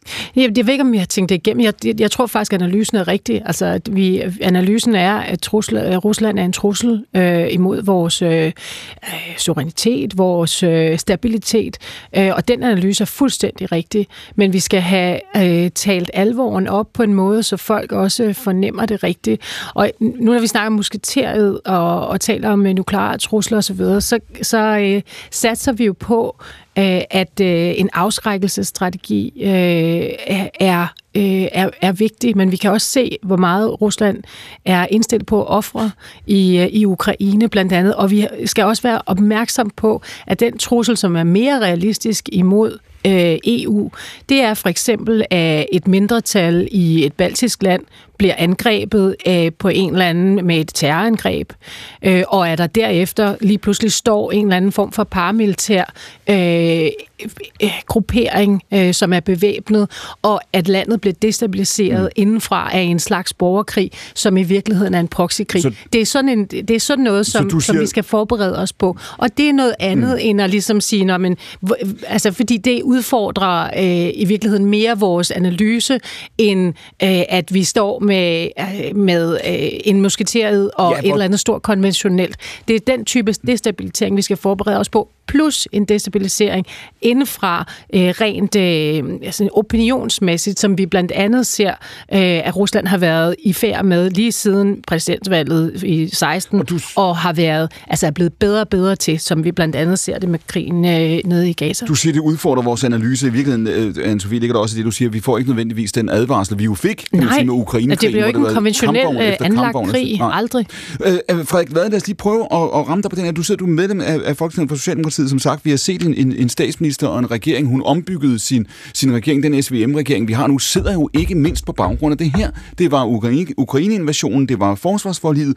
Nu siger øh, Anne-Sophie Allap, hun tror ikke, at vi under et, det er en bred generalisering, ikke, men hun tror ikke, at vi i Europa øh, er klar til at sende vores sønner og døtre i krig i Ukraine. Hvad tror du? Ja, det tror jeg sådan set heller ikke. Altså, øh, vi tilhører en del af verden, øh, som også har nogle befolkninger, som er meget optaget af fred og ro, øh, og det vil vi gå langt for at bevare i vores egen samfund. Altså, der er jo ikke noget, med al respekt i den danske kulturhistorie, der viser, at, at vi, altså egentlig når det kommer til stykket, med det samme øh, står op øh, for øh, noget som helst, kan man sige. Det lyder lidt hårdt, men, men, men det er jo sandheden. Og jeg kan huske, noget, der virkelig gjorde meget indtryk på mig, det var, at en af de første taler, øh, jeg oplevede Putin, han, han holdt i, i, i, i, i forbindelse med øh, invasionen i Ukraine, øh, der sagde han jo, der sagde han til sit bagland, bare rolig, øh, befolkningerne i Vesten, de elsker at, at drikke og æde og danse på bordene, øh, og, øh, og vi, vi russer, vi ved, hvad det vil sige at lide, det gør de ikke i Vesten, og hvis det kommer til at trykke på pengepunkten, og de ikke kan gå på restaurant lørdag aften, øh, så vil det blive et problem. Jeg synes, Vesten har vist et meget, meget øh, stort og stærkt øh, sammenhold, og det synes jeg, vi skal være glade for. Jeg synes, Danmark har spillet en formidabel rolle i at gå forrest i forhold til, øh, i forhold til Ukraine. Men, men vi har, altså, vi har svært ved at håndtere udfordringerne, når det gør rigtig ondt. Når så... det gør rigtig ondt. Og der er bare lige en ting, jeg er nødt til at sige, for nu vi taler om det her en time, og vi taler om, at Trump er ved at vinde i USA, og at højrefløjen, der buller frem, og forventes også at få et gedint godt valg til Europaparlamentsvalget i foråret. Og der er én ting, vi slet ikke har diskuteret, som er nummer et på tyskernes liste over, hvad der er vigtigt i politik, som er en af hovedårsagerne til, at Bidens fantastiske klimapolitik er ved at ryge ned i lokummet, hvis han taber valget, det er migration. Og det er en af hovedforklaringerne på, at den her udvikling, den bliver, bliver drevet. Øh, og jeg tror, at vi, der repræsenterer, hvad skal man sige, ikke det yderste højre, men repræsenterer en eller anden form for, for midte, enten til venstre altså, eller til du højre. siger, Socialdemokratiet i Danmark repræsenterer ikke det yderste højre? Nej, selvfølgelig gør vi ikke det. Endnu? Vi, overhovedet ikke. Vi bliver nødt til at finde ud af, hvordan vi håndterer det migrationsspørgsmål. Det kan man ikke danse rundt om. Hvis man vil en klimapolitik, som er offensiv, hvis man vil en handelspolitik, som er god, hvis, hvis man vil en sikkerhedspolitik, hvor der er opbakning til at føre de her krige og hjælpe Ukraine, så er migrationspolitikken fu- fuldstændig afgørende. Det er nummer et på tyskernes liste, kære venner, frem mod Europaparlamentsvalget. Og vi taler slet ikke om det. Øh, migrationspolitik kommer til at fylde meget, det tror jeg også i Europaparlamentsvalget, og det er også derfor, det er, synes jeg, en virkelig god ting, at der er blevet lavet en ny migrationsaftale i EU, der netop skal forsøge at tage kontrol øh, over øh, de flygtningestrømme, der måtte komme, eller de migrationsstrømme, der måtte, der måtte komme. Men øh, det vil vise sig, altså det er ikke nogen let opgave at løse, det er jo klart, fordi at vi har mange kriser kørende på det afrikanske kontinent, og, øh, og et, stort, et stort pres der. Men altså, jeg, jeg, jeg er for så vidt enig i, at, og det synes jeg ikke er mærkeligt, at det med at sende ens egne børn i krig for et andet land, det tror jeg ikke kun er et dansk fænomen, at det, det tænker man sig godt om, før man gør. Det tror jeg ligger i alle lande, sådan set. Øh, det er naturligt at forsvare sig selv og sit eget land, men det at sende øh, sine børn ud med en betydelig risiko på slagmarken i Ukraine, det synes jeg ikke, der er noget mærkeligt i, at vi som udgangspunkt siger, kan vi på en eller anden måde håndtere det på en anden måde. Og det er også derfor, jeg synes, det er vigtigt, lige så vigtigt det er, og det er ikke for at sige, at det ikke er vigtigt. Jeg gentager, jeg støtter 100% at vi får genopbygget det danske forsvar, og at vi støtter Ukraine, og jeg kan rose regeringen for at have gjort det på den måde, man har. Men den anden del af det her, det er jo, hvad er den langsigtede strategi?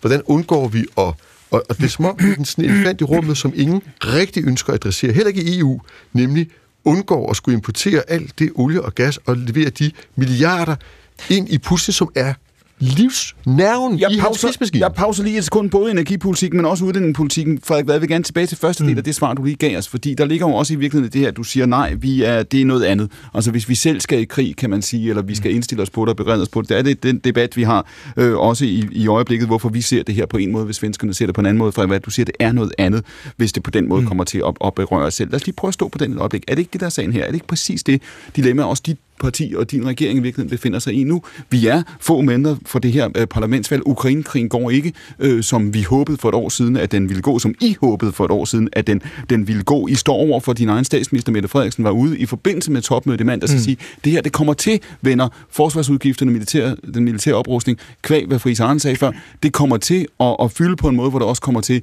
at, at stille sig i stedet for investeringer, vi kunne have lavet i velfærd, investeringer, vi kunne have lavet i skattelettelser, mm. og, og, og, og, og, og så videre. Er I sikre på, at I har befolkningen bag jer?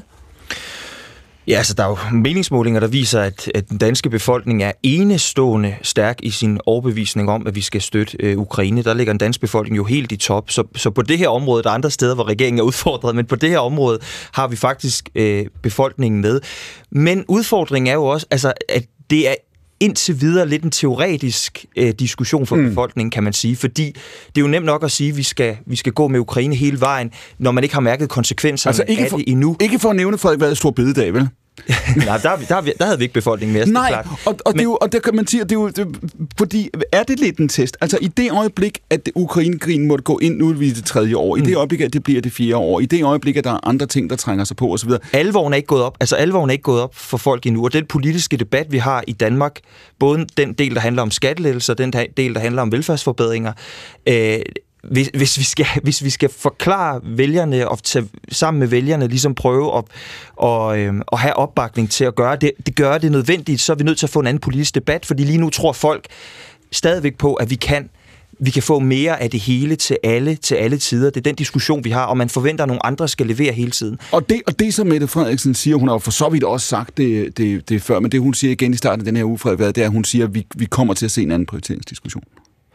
Ja, og jeg tror, at vi kommer til at skulle forklare, at alle samfundsgrupper er nødt til at levere øh, i forhold til det her, og der er nogle ting, vi er nødt til at afstå fra, fordi sikkerhedspolitik jo kommer til at være lige, og, og beredskabspolitik i det hele taget kommer til at være på, på linje med, med alle de andre grundlæggende spørgsmål i, i dansk politik. Det kommer til at blive meget, meget voldsomt, det tror jeg på. Hvad betyder det? Jamen, ja, det, kom, det betyder jo, at altså, forsvarsministeren og statsministeren har jo allerede været inde på det. Altså, de 2 procent er, er nok ikke nok, når det kommer til stykket. Øh, Østersøen vil blive mere destabiliseret. Øh, vi kommer til at skulle diskutere sikkerhedspolitik på linje med diskussioner om velfærdsstatens udvikling og klimaets fremtid. Det er jeg overbevist om. Julie, I er medlem af regeringen øh, i dit parti. Øh, Venstre, I fik en meningsmåling i den her uge. Det er jo så en meningsmåling, kan man sige. Øh, 7,4 procent øh, ligger I på. Du smiler ved, øh, ved tanken, kan jeg se. Øh, den udfordring, Frederik Vad beskriver her, den prioriteringsdiskussion, det er også jeres. Jamen, det er det er klart, men, men jeg vil, hvis, jeg, hvis vi vender tilbage til, til Europaparlamentsvalgkampen, og hvordan vi ligesom skal gribe den an, så tror jeg, det er meget, meget vigtigt at sige, at sikkerhed er ikke kun bare et spørgsmål om våbenproduktion, og det er ikke kun et spørgsmål om forsvar osv. Altså, som, som vi tænker i Venstre, så er sikkerhed simpelthen det gennemgående tema i alt, hvad vi kommer til at diskutere. Det gælder både migrationspolitik, det gælder også infrastruktur, energiinfrastruktur, hvor det er super, super væsentligt, at vi på europæisk plan skaber autonomi, at vi gør os uafhængige af blandt andet Rusland. Det er også sikkerhed. Sikkerhed er også våbenproduktion, men det er også essentiel anden produktion, eksempelvis sundhed, værnemidler, alle de der ting. Der er meget passende i, at du og Martin Lidegaard deler den samme mikrofon i dag. Jamen, så uenige er vi heller ikke. Øh, så, jeg, så jeg tror, måden, vi ligesom sælger det her til danskerne på, det er at sige, at det her det er faktisk en sikkerhedsagenda. Og jeg synes måske, vi har været lidt for hurtige til at se, hvor afhængige vi var af, hvor, hvor skrøbelig globaliseringen havde gjort os under pandemien, eksempelvis med værnemidler. Så der er en hel række essentielle produktioner, som ligesom skal tilbage til Europa og så videre. Så sikkerhed har enormt meget at gøre med selvstændig autonomi. Anne-Sophie, på der, forsvar. der ligger altså også for at bygge videre på det, som Friis Arne åbnede time med at sige, det er jo en, en helt anden...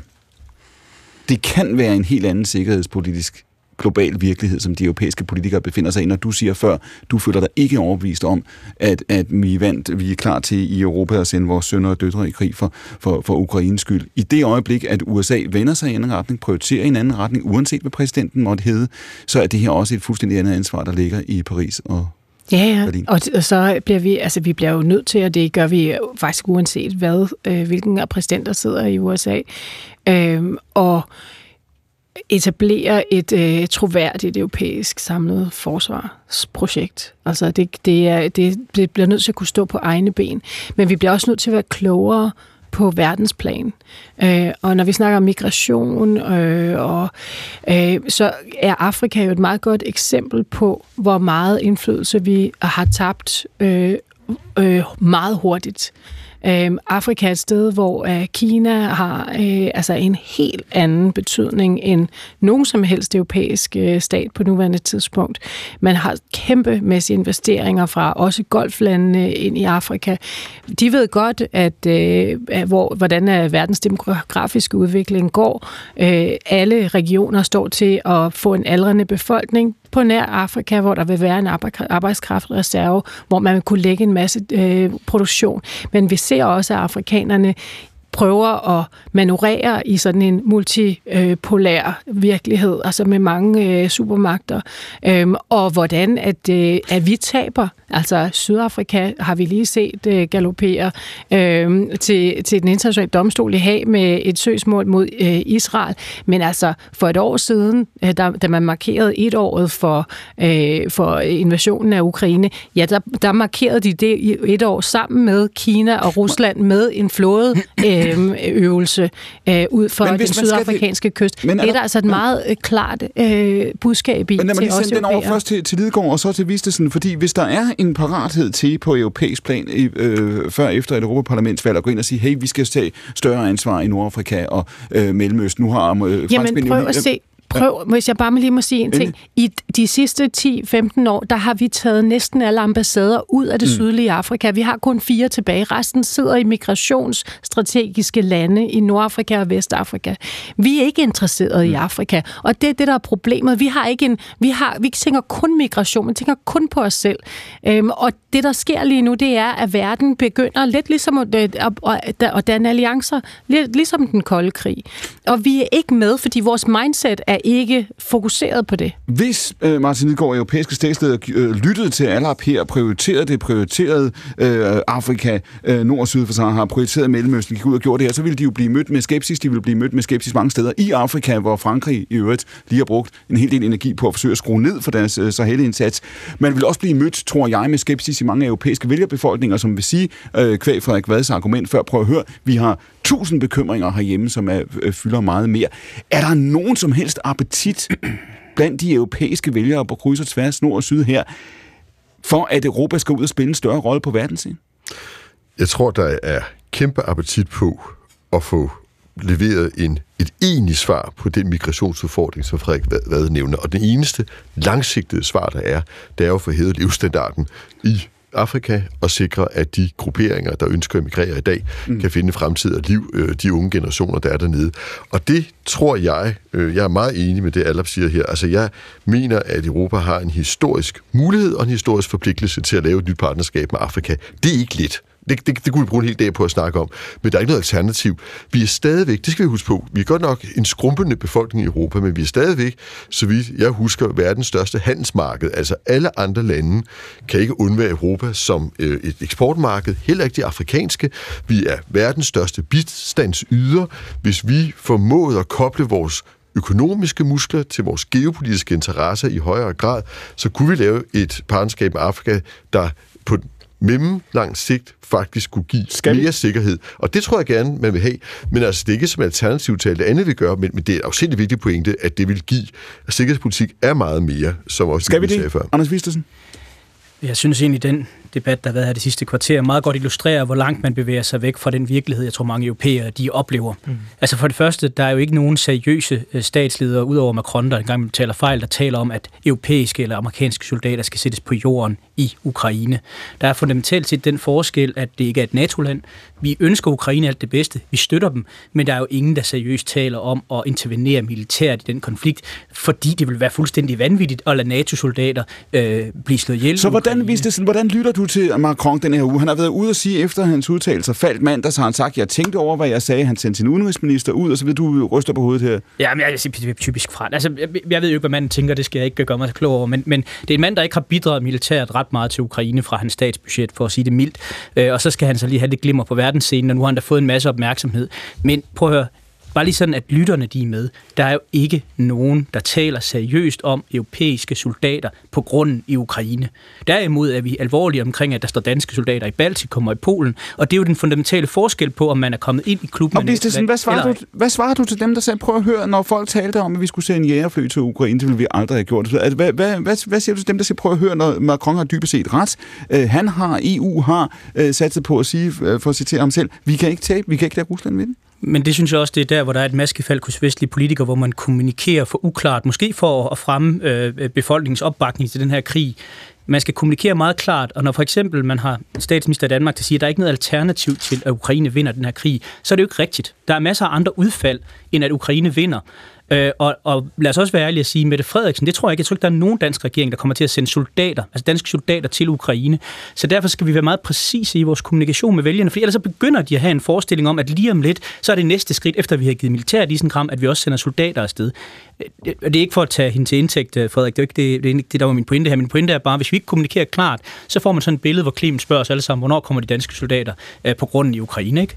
Frederik, hvad? Men altså, når, når du siger, at det er uklar kommunikation, når statsminister Mette Frederiksen siger, at øh, der er ikke et alternativ til, at Ukraine, Ukraine vinder den her krig, så, så er det jo nødt til at være klar, altså det er jo klar kommunikation, fordi alternativet til det er jo at komme med alle mulige øh, øh, budskaber, som jo kan gøre noget ved moralen øh, på slagmarken, som kan få kæmpe, kæmpe stor betydning for den oplevelse af støtte, øh, Ukraine har, hvis vi begynder at tale om, at der kan være andre udfald, end at Rusland forlader de områder, de ulovligt har taget, øh, jamen så står vi jo i en helt ny situation. Men, men, sprog betyder noget, og ja, derfor synes jeg... Sprog betyder noget, men Frederik, det betyder, du siger, at der ikke er et alternativ, det betyder det jo også, at du er klar til, altså skal vi så bede franskmænd om at sende en atombombe ind, hvis, hvis Ukraine ikke er ved at vinde? Skal vi sende soldater til Ukraine? Det mener du jo ikke.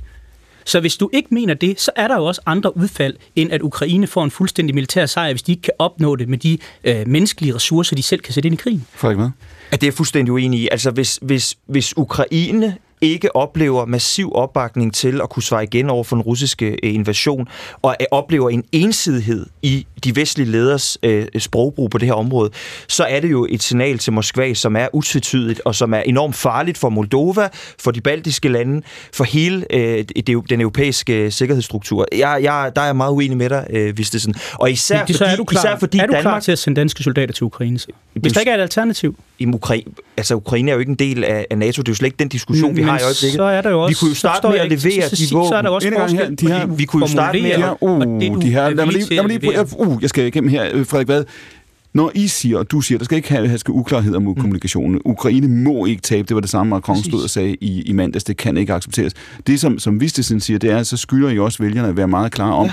hvor langt går I. Det kunne være den diskussion, som Macron jo altså med vilje, må man tro, har rejst i denne her uge, om, om, om tropper på jorden, hvad franskmændene så har lukket ned for. Det kunne også være alt muligt andet. Vi gør alt muligt andet. Vi kan komme til at gøre alt muligt andet, der også kan blive oplevet som provokationer i Rusland. Jo, altså, vi kunne, altså, det, som Danmark har sat sig i spidsen for, det er jo at prøve at presse de europæiske lande til at levere det, vi har lovet at levere, mm. og ikke levere de våben, vi skal levere for sent.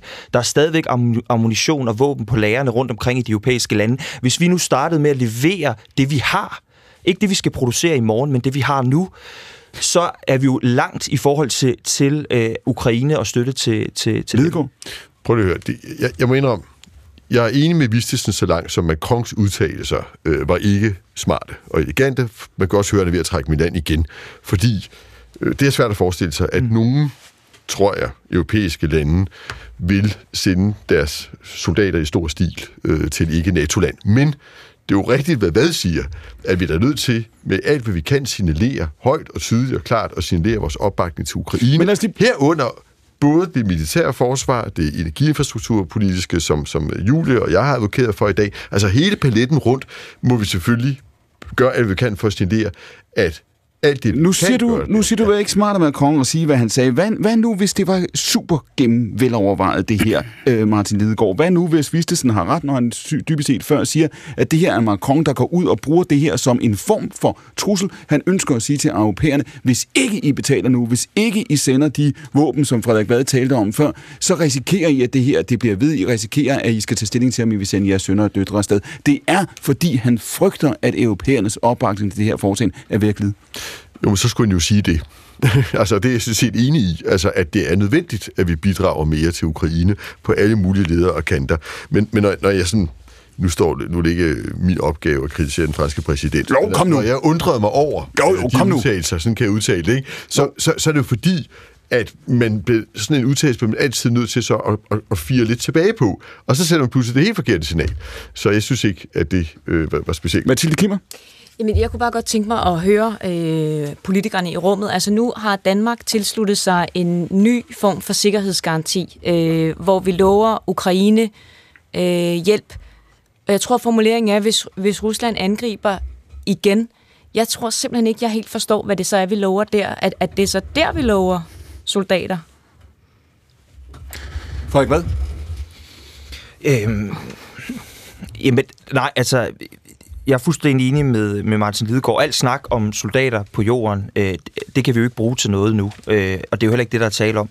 Som jeg læser det, er det, som jeg sagde før, en, en presbold i forhold til, at vi leverer den ammunition, de våben og de penge, vi har lovet. Og lige nu leverer vi ikke det, vi har lovet. Den amerikanske støtte er jo sat i stå, og den europæiske støtte er altså meget, meget, meget, meget mangelfuld. Mm.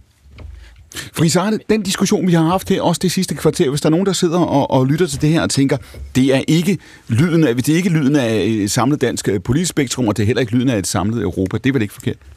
Nej, og det er jo det, der i virkeligheden måske bliver lidt glemt i vores debat her, og i virkeligheden i ærligheden til vores egen befolkning, at Europa startede fantastisk sammen med en dygtig, klog amerikansk præsident med enighed om sanktioner, militær støtte. Men i dag er den hovedaktør, den amerikanske præsident, lammet af sit eget parlaments manglende vilje til at give Ukraine 60 milliarder militært udstyr i 2024, altså det mest afgørende tredje år i Ruslands angrebskrig mod Ukraine. Og hvad gør vi så? Det er jo ikke tilfældigt, at lige præcis den diskussion, vores politikere har lige nu her med dig, Clement, handler om et meget centralt spørgsmål. Mm. Nogen siger, som den amerikanske præsident, den tyske kansler, at Ukraine må ikke tabe den her krig. Men der er andre lidt mere krigeriske regeringschefer i Europa, der siger, at Ukraine skal vinde den her krig. For mig som diplomat, der er der altså et kæmpe hav imellem de to forskellige synspunkter. Og jeg tror, at grunden til, at den tyske kansler og den amerikanske præsident siger lige præcis det, de gør, at Ukraine må ikke tabe den her krig, det er fordi, vi kan ikke leve med, at vores verdensorden, hvor grænser er ukrænkelige, bliver krænket og vundet af Rusland.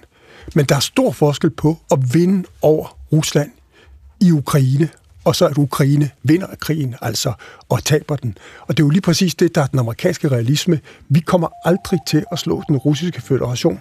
i en stedfortræderkrig, selvom vi har den her debat om at sende soldater ind i Ukraine, fordi det er Rusland simpelthen for stor en militærmagt til, at vi kan. Og derfor er vi nødt til at være realistiske på et eller andet tidspunkt. Så hvad er det, hvad er det Friis Arne Macron gør? Altså, det er vel Jamen, han prøver jo at gøre det, som man vil gøre i klassisk diplomati. Han siger, at alt er i virkeligheden på hylderne. Mm. Det er et øget internationalt militært pres ved at sige, at intet er udelukket, men det er jo virkelig kun det, han siger. Så bliver han fortolket med rette, som om han også vil kunne sende NATO-styrker afsted. Men som den tyske kansler siger, og hans vicekansler, hvis Frankrig virkelig vil bidrage, så send jeres andel af det militære udstyr til mm. Ukraine. Med andre ord, lad være med at tale om soldater, fordi det kommer vi tyskere aldrig til, og det gør Tyskland ikke, fordi de har en historie med Rusland, hvor Tyskland, Nazi-Tyskland, slog 26 millioner russere ihjel under 2. verdenskrig. Mm. Ingen tysk befolkning ville i krig med Rusland igen, og derfor har det her ikke nogen som helst gang på jorden. Det siger Friis Arne Petersen, og nu vender vi os mod Gaza, men i en vis forstand også imod både USA og Storbritannien. Fredag, der meddelte USA, at man nu vil nedkaste nødhjælp til befolkningen i Gaza. Og torsdag, der var der et suppleringsvalg i Rochdale i Storbritannien. Det burde jo i virkeligheden ikke have noget med Gaza at gøre, og så alligevel. For det blev vundet af den tidligere Labour-politiker George Galloway, som man vist roligt kan kalde noget stormombrust. Han fik ved det her valg flere end 40 procent af stemmerne efter en kampagne, der handlede ikke mindst om Gaza. Det var et usædvanligt suppleringsvalg. Gaza, øh, Labour trak støtten til sin egen kandidat undervejs osv., men det endte altså ikke desto mindre med en sejr til Galloway.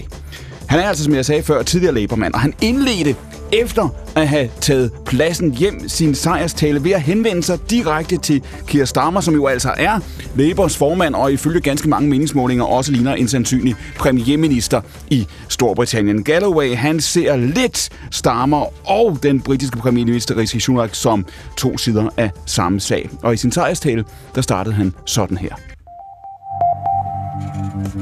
Keir Starmer, this is for Gaza.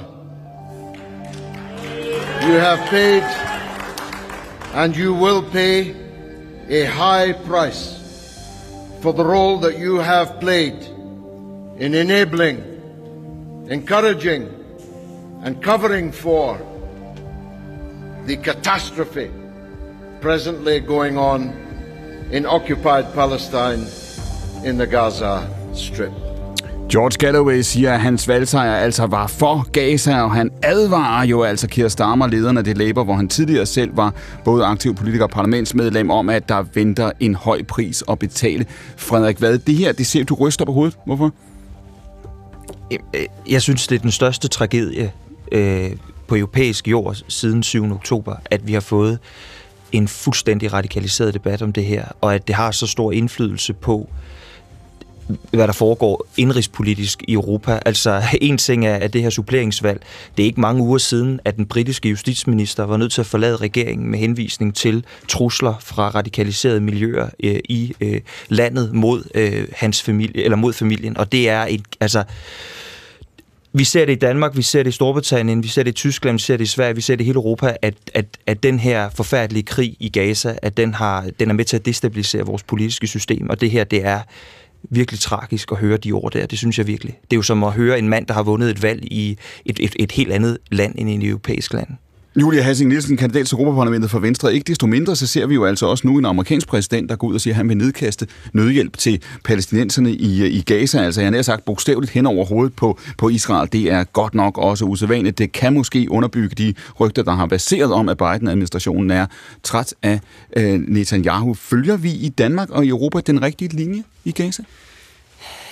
Ja, man kan sige, det, det, er, det, er jo, det er jo en vanskelig diskussion, fordi vi taler jo ikke om et samlet Europa, der kan gå ind ligesom USA og have en, en samlet holdning omkring det her. Men jeg deler meget, øh, hvad det hedder, Vads analyse af det, at, at vi ser en, en meget stor, øh, et meget stort gap i, i den europæiske befolkning, en meget stor kløft mellem antisemitisme og islamofobi, som jeg synes er vokset helt ud af proportioner, blandt andet i Storbritannien, men også men, delvist i Danmark. Men undskyld, tilbage til spørgsmålet her, Julie. Det, det du ser, og du ser det i Danmark, og du ser det mange andre steder, det er enorme dele af befolkningen. Nogen, der har mellemøstlig baggrund, øh, arabisk baggrund, mange, der ikke har det, siger, at det her, det kan simpelthen ikke være rigtigt. Det udfordrer os på vores principper, det udfordrer os på vores moral. Der er analytikere, der siger, at det her, det kan komme komme til at koste Biden en sejr ved, ved præsidentvalget. Så jeg spørger igen, har, har den danske regering siden øh, 7. oktober fulgt den rigtige linje? Ja, det synes jeg, vi har. Altså, så jeg kan, jeg kan ikke se, hvordan vi, vi kunne navigere det anderledes under, under de udfordringer, som har været. Nej, øh, det kan jeg ikke. Fris Arne, hvad er det her ved at blive? Fordi man kan sige, for en stor del af den globale øh, opmærksomhed i FN's generalforsamling i New York, i medierne verden rundt, ikke kun i øh, Mellemøsten, øh, der spiller det her jo en, en, en kæmpe rolle. Er der noget, vi i Vesten ikke har været opmærksom på? Jamen, jeg tror, vi var inde på før, det globale syds opmærksomhed mod Israel, Hamas, er voksende, og det er den, fordi vi med USA i virkeligheden i spidsen i Vesten har en præsident, der er i stigende grad frustreret, bruger de ordet i den amerikanske presse og det hvide hus i deres kommunikation. Med rette, fordi det er jo den israelske regering, det er USA's største allierede i hele verden, der forhindrer humanitær bistand ind i Gazastriben og tvinger USA til den dyreste løsning at kaste fra fly medicin og mad og vand ned til palæstinenserne og oven i købet kommer til til synlande, til synlande, vi ved det ikke med sikkerhed, og dræbe omkring 100 palæstinenser, der flokkes om at få fat i den her mad, der kommer ind på en bil, og som har tvunget ud af ud i den her situation. Med andre ord, vi står for en situation, hvor det er altså ikke fjenden, der forhindrer de humanitære forsyninger. Det er sådan set Israels her. Man skulle tro, at den amerikanske præsident var så vigtig en allieret for den israelske ministerpræsident, og fremtidig sikkerhed, militært, økonomisk, politisk, i den verden, vi lever. Og lad os lige prøve at de lytte til hinanden. Nu startede du åbne den her time, Friis Arne, med at tale om, altså, hvad der sker, hvis, hvis ikke at man får forhandlet en ny traktat, atomvåbentraktat på plads mellem øh, Rusland og USA, og hvad det betyder for verdensorden. Hvis der har været en relativt konstant, øh, også i, i hvert fald i den her del af verden, Mellemøsten, så har det været det amerikanske-israelske forhold. Prøv lige at, at, at give os lige to sætninger mere på det. Hvad, hvad er det udtryk for? Hvad er, det, du, hvad er det, du får nogle signaler, som USA sender nu? Fordi det her er jo heller ikke noget, de skjuler. Det er noget, der sker åbent, ikke? Ja, og jeg, hvor jeg synes, at den amerikanske linje med præsident Bidens besøg til øh, Israel, til Netanyahu, få dage efter den der grusomme terrorhandling 7. oktober, lige præcis råder Netanyahu med alle USA's erfaringer fra 9-11 2001, pas på med at gå for hårdt militært til værks. Mm. Pas på proportionaliteten. Pas på de civile offers antal. Pas på, at det ikke øh, spreder sig til Hezbollah i nord, i Libanon, til Vestbreden. Sørg for, at I kan styre det. Fremstå som den humanitære stormagt, I er, demokratiet Israel. Og på trods af de gode råd, så er USA tvunget ud i, oplever jeg, en meget, meget svær alliance med den nuværende israelske regering, hvor jeg jo godt ved, at der ikke er nogen altså kærlighed tabt mellem Biden og Netanyahu. Det var der heller ikke mellem Obama og Netanyahu. Men, men det er jo lige præcis det, der er vestens drama, at vi kan ikke få Israel til at opføre sig sådan, som den humanitære folkeret, krigsforbryder, øh, domstole vil have, vi skal gøre det. Og det er derfor, anne Sofie er bange for, at Sydafrika med sit tætte historiske forhold til PLO føler, at de er forpligtet til som en ny global syd demokrati, der er kommet til verden i kampen mod apartheid, at gå til den internationale domstol og sige, det Israel gør nu, det er ikke i orden. Eller? Ja, ja, men det, altså, men de, ja, ja, det, det er klart. Øhm, men de signalerer jo også øh, meget klart derved en, øh, kan man sige, en øh, politisk eskal- eskalering. Øh, jeg synes, noget af det, der er mere interessant, det er jo de ting, der foregår bag kulisserne. Øh, Hamas har jo lykkedes altså, på, en, på en måde, som, vi næsten, som er næsten ubegribelig med det her angreb. Altså der, deres, det, der er sket de sidste fem øh, måneder, er en, altså en, nærmest en, altså en meget i høj grad en ufortalt succeshistorie. De har øh, lykkes med at sænke Netanyahu. Han har altså 15 procent øh, approval rate lige nu. Øh, Israels politik er imploderet. Øh, de er kommet, altså de har fået tvunget sig ud af den internationale isolation, som de har været i i årtier. Øh, de har skabt den palæstinensiske sag, øh, har fået den helt op på øverst på dagsordenen. De har øh, 10.000 af europæere og amerikanere, der står i gaderne og demonstrerer under palæstinensiske flag, og de har ændret, altså de har ændret hele denne her, i hvert fald des, de har disrupted processen hen imod en forbrødring mellem Israel og de arabiske ja, lande. Siger, det er en sindssyg succes, vil jeg bare sige, Clement. Det vil jeg bare sige. Men det, der sker bagved, mm. Det er meget, meget spændende. Lige nu, der sidder alle de palæstinensiske fraktioner i Moskva. Det har de i hvert fald gjort her i weekenden.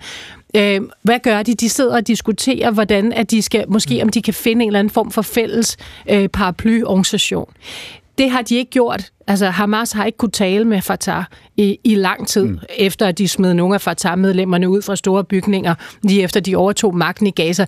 Den slags gør, at man ikke kan snakke sammen. Men lige nu snakker de sammen. Mm. Hvorfor gør de det? Fordi der er de kan godt forstå, at der er et tidspunkt efter den her krig.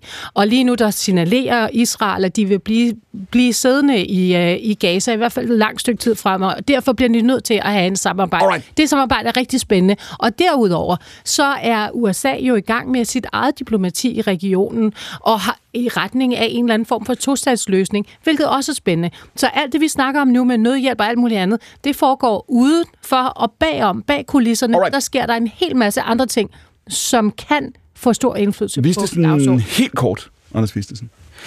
Ja, helt kort. Hele Mellemøsten, Vi helt løser kort. Mellemøsten på kort tid, ikke? øhm, nej, men altså, jeg synes, det, der bekymrer mig mest, det er jo, at vi ser, at der jo er kommet en femte kolonne ind i de vestlige demokratier, der øh, påvirker øh, den politiske øh, verdensgang her. Det er jo en alliance mellem den yderste venstrefløj og så øh, dele af den muslimske indvandring, der er kommet, der presser både i USA, hvor man jo ser, at Biden er bange for vælgerne, for eksempel Michigan, hvor der var øh, 12 procent af demokraterne, der valgte at stemme blankt i stedet for at støtte ham, og det frygter han jo så nok, hvis man kender valg kortet i USA, så er det svært at vinde uden Michigan og, og stater som den.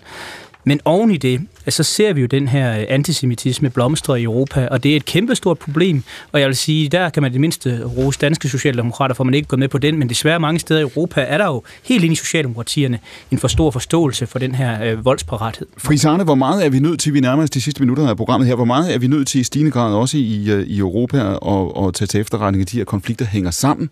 At en del af den opbakning, som Rusland nyder, en del af forklaringen på, at Rusland stadigvæk fungerer, at hjulene kører i et eller andet omfang i landet, det er, at man møder en forståelse i, i verdenssamfundet. Så det, der er på spil i Gaza, er USA's handlekraft. Ikke bare i Gaza over for Israel og i Mellemøsten, men i virkeligheden også globalt. Og det er jo lige præcis det, som den amerikanske nationale sikkerhedsrådgiver Jake Sullivan har sagt, mm. at hvis han skulle gøre noget om, hvis han skulle skrive Biden udenrigspolitisk doktrin, så vil han lige præcis komme med en ny, han kaldte det value proposition til det globale syd. Og det er fordi USA ikke bare det, som Anders påpeger, er måske en venstreorienteret drevet reaktion mod Israels fremgang i Gazastriben, men også fordi der faktisk i det globale syd, og der er altså så 7 milliarder mennesker i verden, er en moralsk indignation og en retfærdighedssans og en nyhedsformidling, som godt kan se forskel på ret og uret, og vold og, og, og overdreven vold. Og det tror jeg, man er nødt til i det globale syd, og det er det, USA lige præcis er, erkender, og i hvert fald i den nuværende administration vil gøre mere for, tror jeg, altså en, en kontakt, en respekt, en dialog, et samarbejde med det globale syd. Ligesom vi talte før, Martin Lidegaard og mm. jeg, om, at vi skal også have EU et bedre samarbejde med Afrika. Selvfølgelig skal vi det, blandt andet fordi migration, men også alle de andre store spørgsmål, Så du også siger- hænger sammen. Du siger, Frisane, altså den tid, hvis den nogensinde eksisterede, det gjorde den nok ikke, men den tid, hvor man troede, at man kunne, man kunne inddele det i pæne regioner og sige, nu gør vi sådan og sådan i Mellemøsten, og vi gør noget andet et andet sted, den er forbi. Ja, fordi verden er så transparent, og i virkeligheden skulle vi opfatte det i Vesten som en sejr for os og vores værdier, vores respekt for øh, demokrati og menneskerettigheder, som en sejr, at det globale syd interesserer sig for de her spørgsmål. Nu løber tiden. Mathilde Kimmer, vi hørte alle nævne det her øh, russiske fredsinitiativ, hvis det- vi, vi taler sjældent om det. Assad sidder jo stadigvæk øh, i, i Damaskus i, i, i Syrien. Rusland har også en, en mellemøstpolitik. Der var en, tror jeg, en forestilling om for to år siden, at Ukraine var ved at udvikle sig til at være så meget det modsatte af, hvad Putin havde håbet, at det ville tage al russernes opmærksomhed, det ville koste al deres slagkraft, det ville sætte dem ud af stand til at få, få andre idéer og vende sig andre steder hen. Det vi ser nu, Lavrov og Moldova, det vi ser med, med Mellemøsten her, øh, Mathilde Kimmer, er det et udtryk for det, for det modsatte, at der er overskud også i Kreml til at tænke på alt muligt andet end Ukraine? Ja, altså, der er jo masser af mennesker i, øh, i, i Kreml og i Rusland, og de har forskellige opgaver, og egentlig er det jo gået ret godt for Rusland, også i, øh, i Afrika. I øvrigt, øh, rent militært har man jo haft øh, store projekter øh, der, som er gået langt bedre end de øh, europæiske ditorer. Øhm, og så tror jeg, at Rusland har gjort en gigantisk indsats, som måske også lidt øh, dels kom som en overraskelse, da man gik ind i Syrien, men i øvrigt ikke kun øh, i Syrien. Den form for øh, øh, fællesskab, øh, alliance, partnerskab, man har været i stand til at etablere med et Mellemøsten, der i høj grad sådan betragtet os som øh, sådan lidt bedrevidende, moraliserende typer, øh, som Rusland i det regi holder sig øh, for god til. Mm. Altså, og det at være i opposition til os i Vesten, det er en stor klub. Øh, der er masser af lydhørighed. Men det er jo også fordi, øh, vi, vi, har, vi holder os tilbage, og vi tillader det her, fordi det er jo et enormt øh, hyggeleri. Altså hvis nu Sydafrika virkelig øh, kærede sig om menneskerettigheder alle mulige steder, så kunne de jo have rejst sager mod Syrien, de kunne have rejst dem mod Yemen, de kunne have rejst dem alle mulige steder, hvor der er død endnu flere mennesker, end der er gjort i den her konflikt mellem Israel og Palæstina. Så det er også fordi, vi i Vesten har en tendens til at holde igen og holde tilbage, fordi vi er bange for at komme ned og blive beskyldt for at være kolonister, og vi er bange for at blande os i ting og sager. Når Frankrig for eksempel i øh, Centralafrika forsøger at holde demokratisk valgte regeringer ved magten imod islamistiske oprørsbevægelser, så hører jeg ikke nogen fra det globale syd stå op for de her demokratiske regimer. Alright. Øh, Så, så der er jo et enormt element af hyggeleri i det her, Mine som vi ikke er pointer ud. alle, alle nu pointerne her flyver gennem luften. Jeg skal bare høre dig, eller det bliver det sidste ord, som, som, som panelet får i dag. Det her Europaparlamentsvalg i uh, juni, bliver det en samlet europæisk befolkning, der siger, at Europa skal fylde mere på verdensscenen? Nej, det tror jeg faktisk ikke. Desværre, Europaparlamentsvalg er det hele taget jo altså, ikke, et, ikke specielt vigtige øh, begivenheder for den brede befolkning, øh, men øh, burde jo altså, øh, måske være en god anledning til på mere end bare en uge eller to uger, som det plejer at fylde pressen, og tage en, en dybere snak om, hvor vi er i verden i dag som europæer. Det er den snak, vi tager her, søndag efter søndag. Anne-Sophie Aller fra Berlingske, Frederik Vad, medlem af Folketinget for Socialdemokratiet, Anders Vistesen, medlem af Europaparlamentet for DF, og en af hans rivaler, kan man sige, Julia Hassing, der stiller op for Venstre. Martin Lidegaard, formand for det radikale. Det var de fem, der udgjorde dagens panel. Vi havde jo altså også, som I kunne høre, besøg af DR's egen Mathilde Kimer og af ambassadør og forhåndværende direktør i Udenrigsministeriet, bogaktuelle Friis Arne Petersen. Mathilde, hvad er du mest spændt på, når det gælder Rusland? 10 sekunder, værsgo. Ja, ja, åh, 10 sekunder. Jamen, det bliver, hvor stor bliver den mobilisering, der bliver annonceret, når Putin har, øh, har genvundet sin, sin titel? For det er det, der kommer til at ske. Ja, det tror jeg. Det siger Mathilde Kim. Redaktør og producer er Louise Rømert. I redaktionen sidder Rasmus Gråsgaard, og mit navn er Clemen Kærsgaard. Husk, at I kan sende os jeres spørgsmål, jeres forslag til emner og gæster. Det kan I gøre på de sociale medier, eller ved at skrive direkte til clemensnabelag.dr.dk. Og så er vi jo altså gået ind i de sidste 20 sekunder af denne søndags akkurat. Vi er naturligvis tilbage igen på søndag direkte fra Nyhedshuset, som hver søndag fra 12.15 til klokken 14. Men nu nærmer vi os en radioavis, for dette er P1, og klokken er 2. Gå på opdagelse i alle DR's podcast og radioprogrammer. I appen DR Lyd.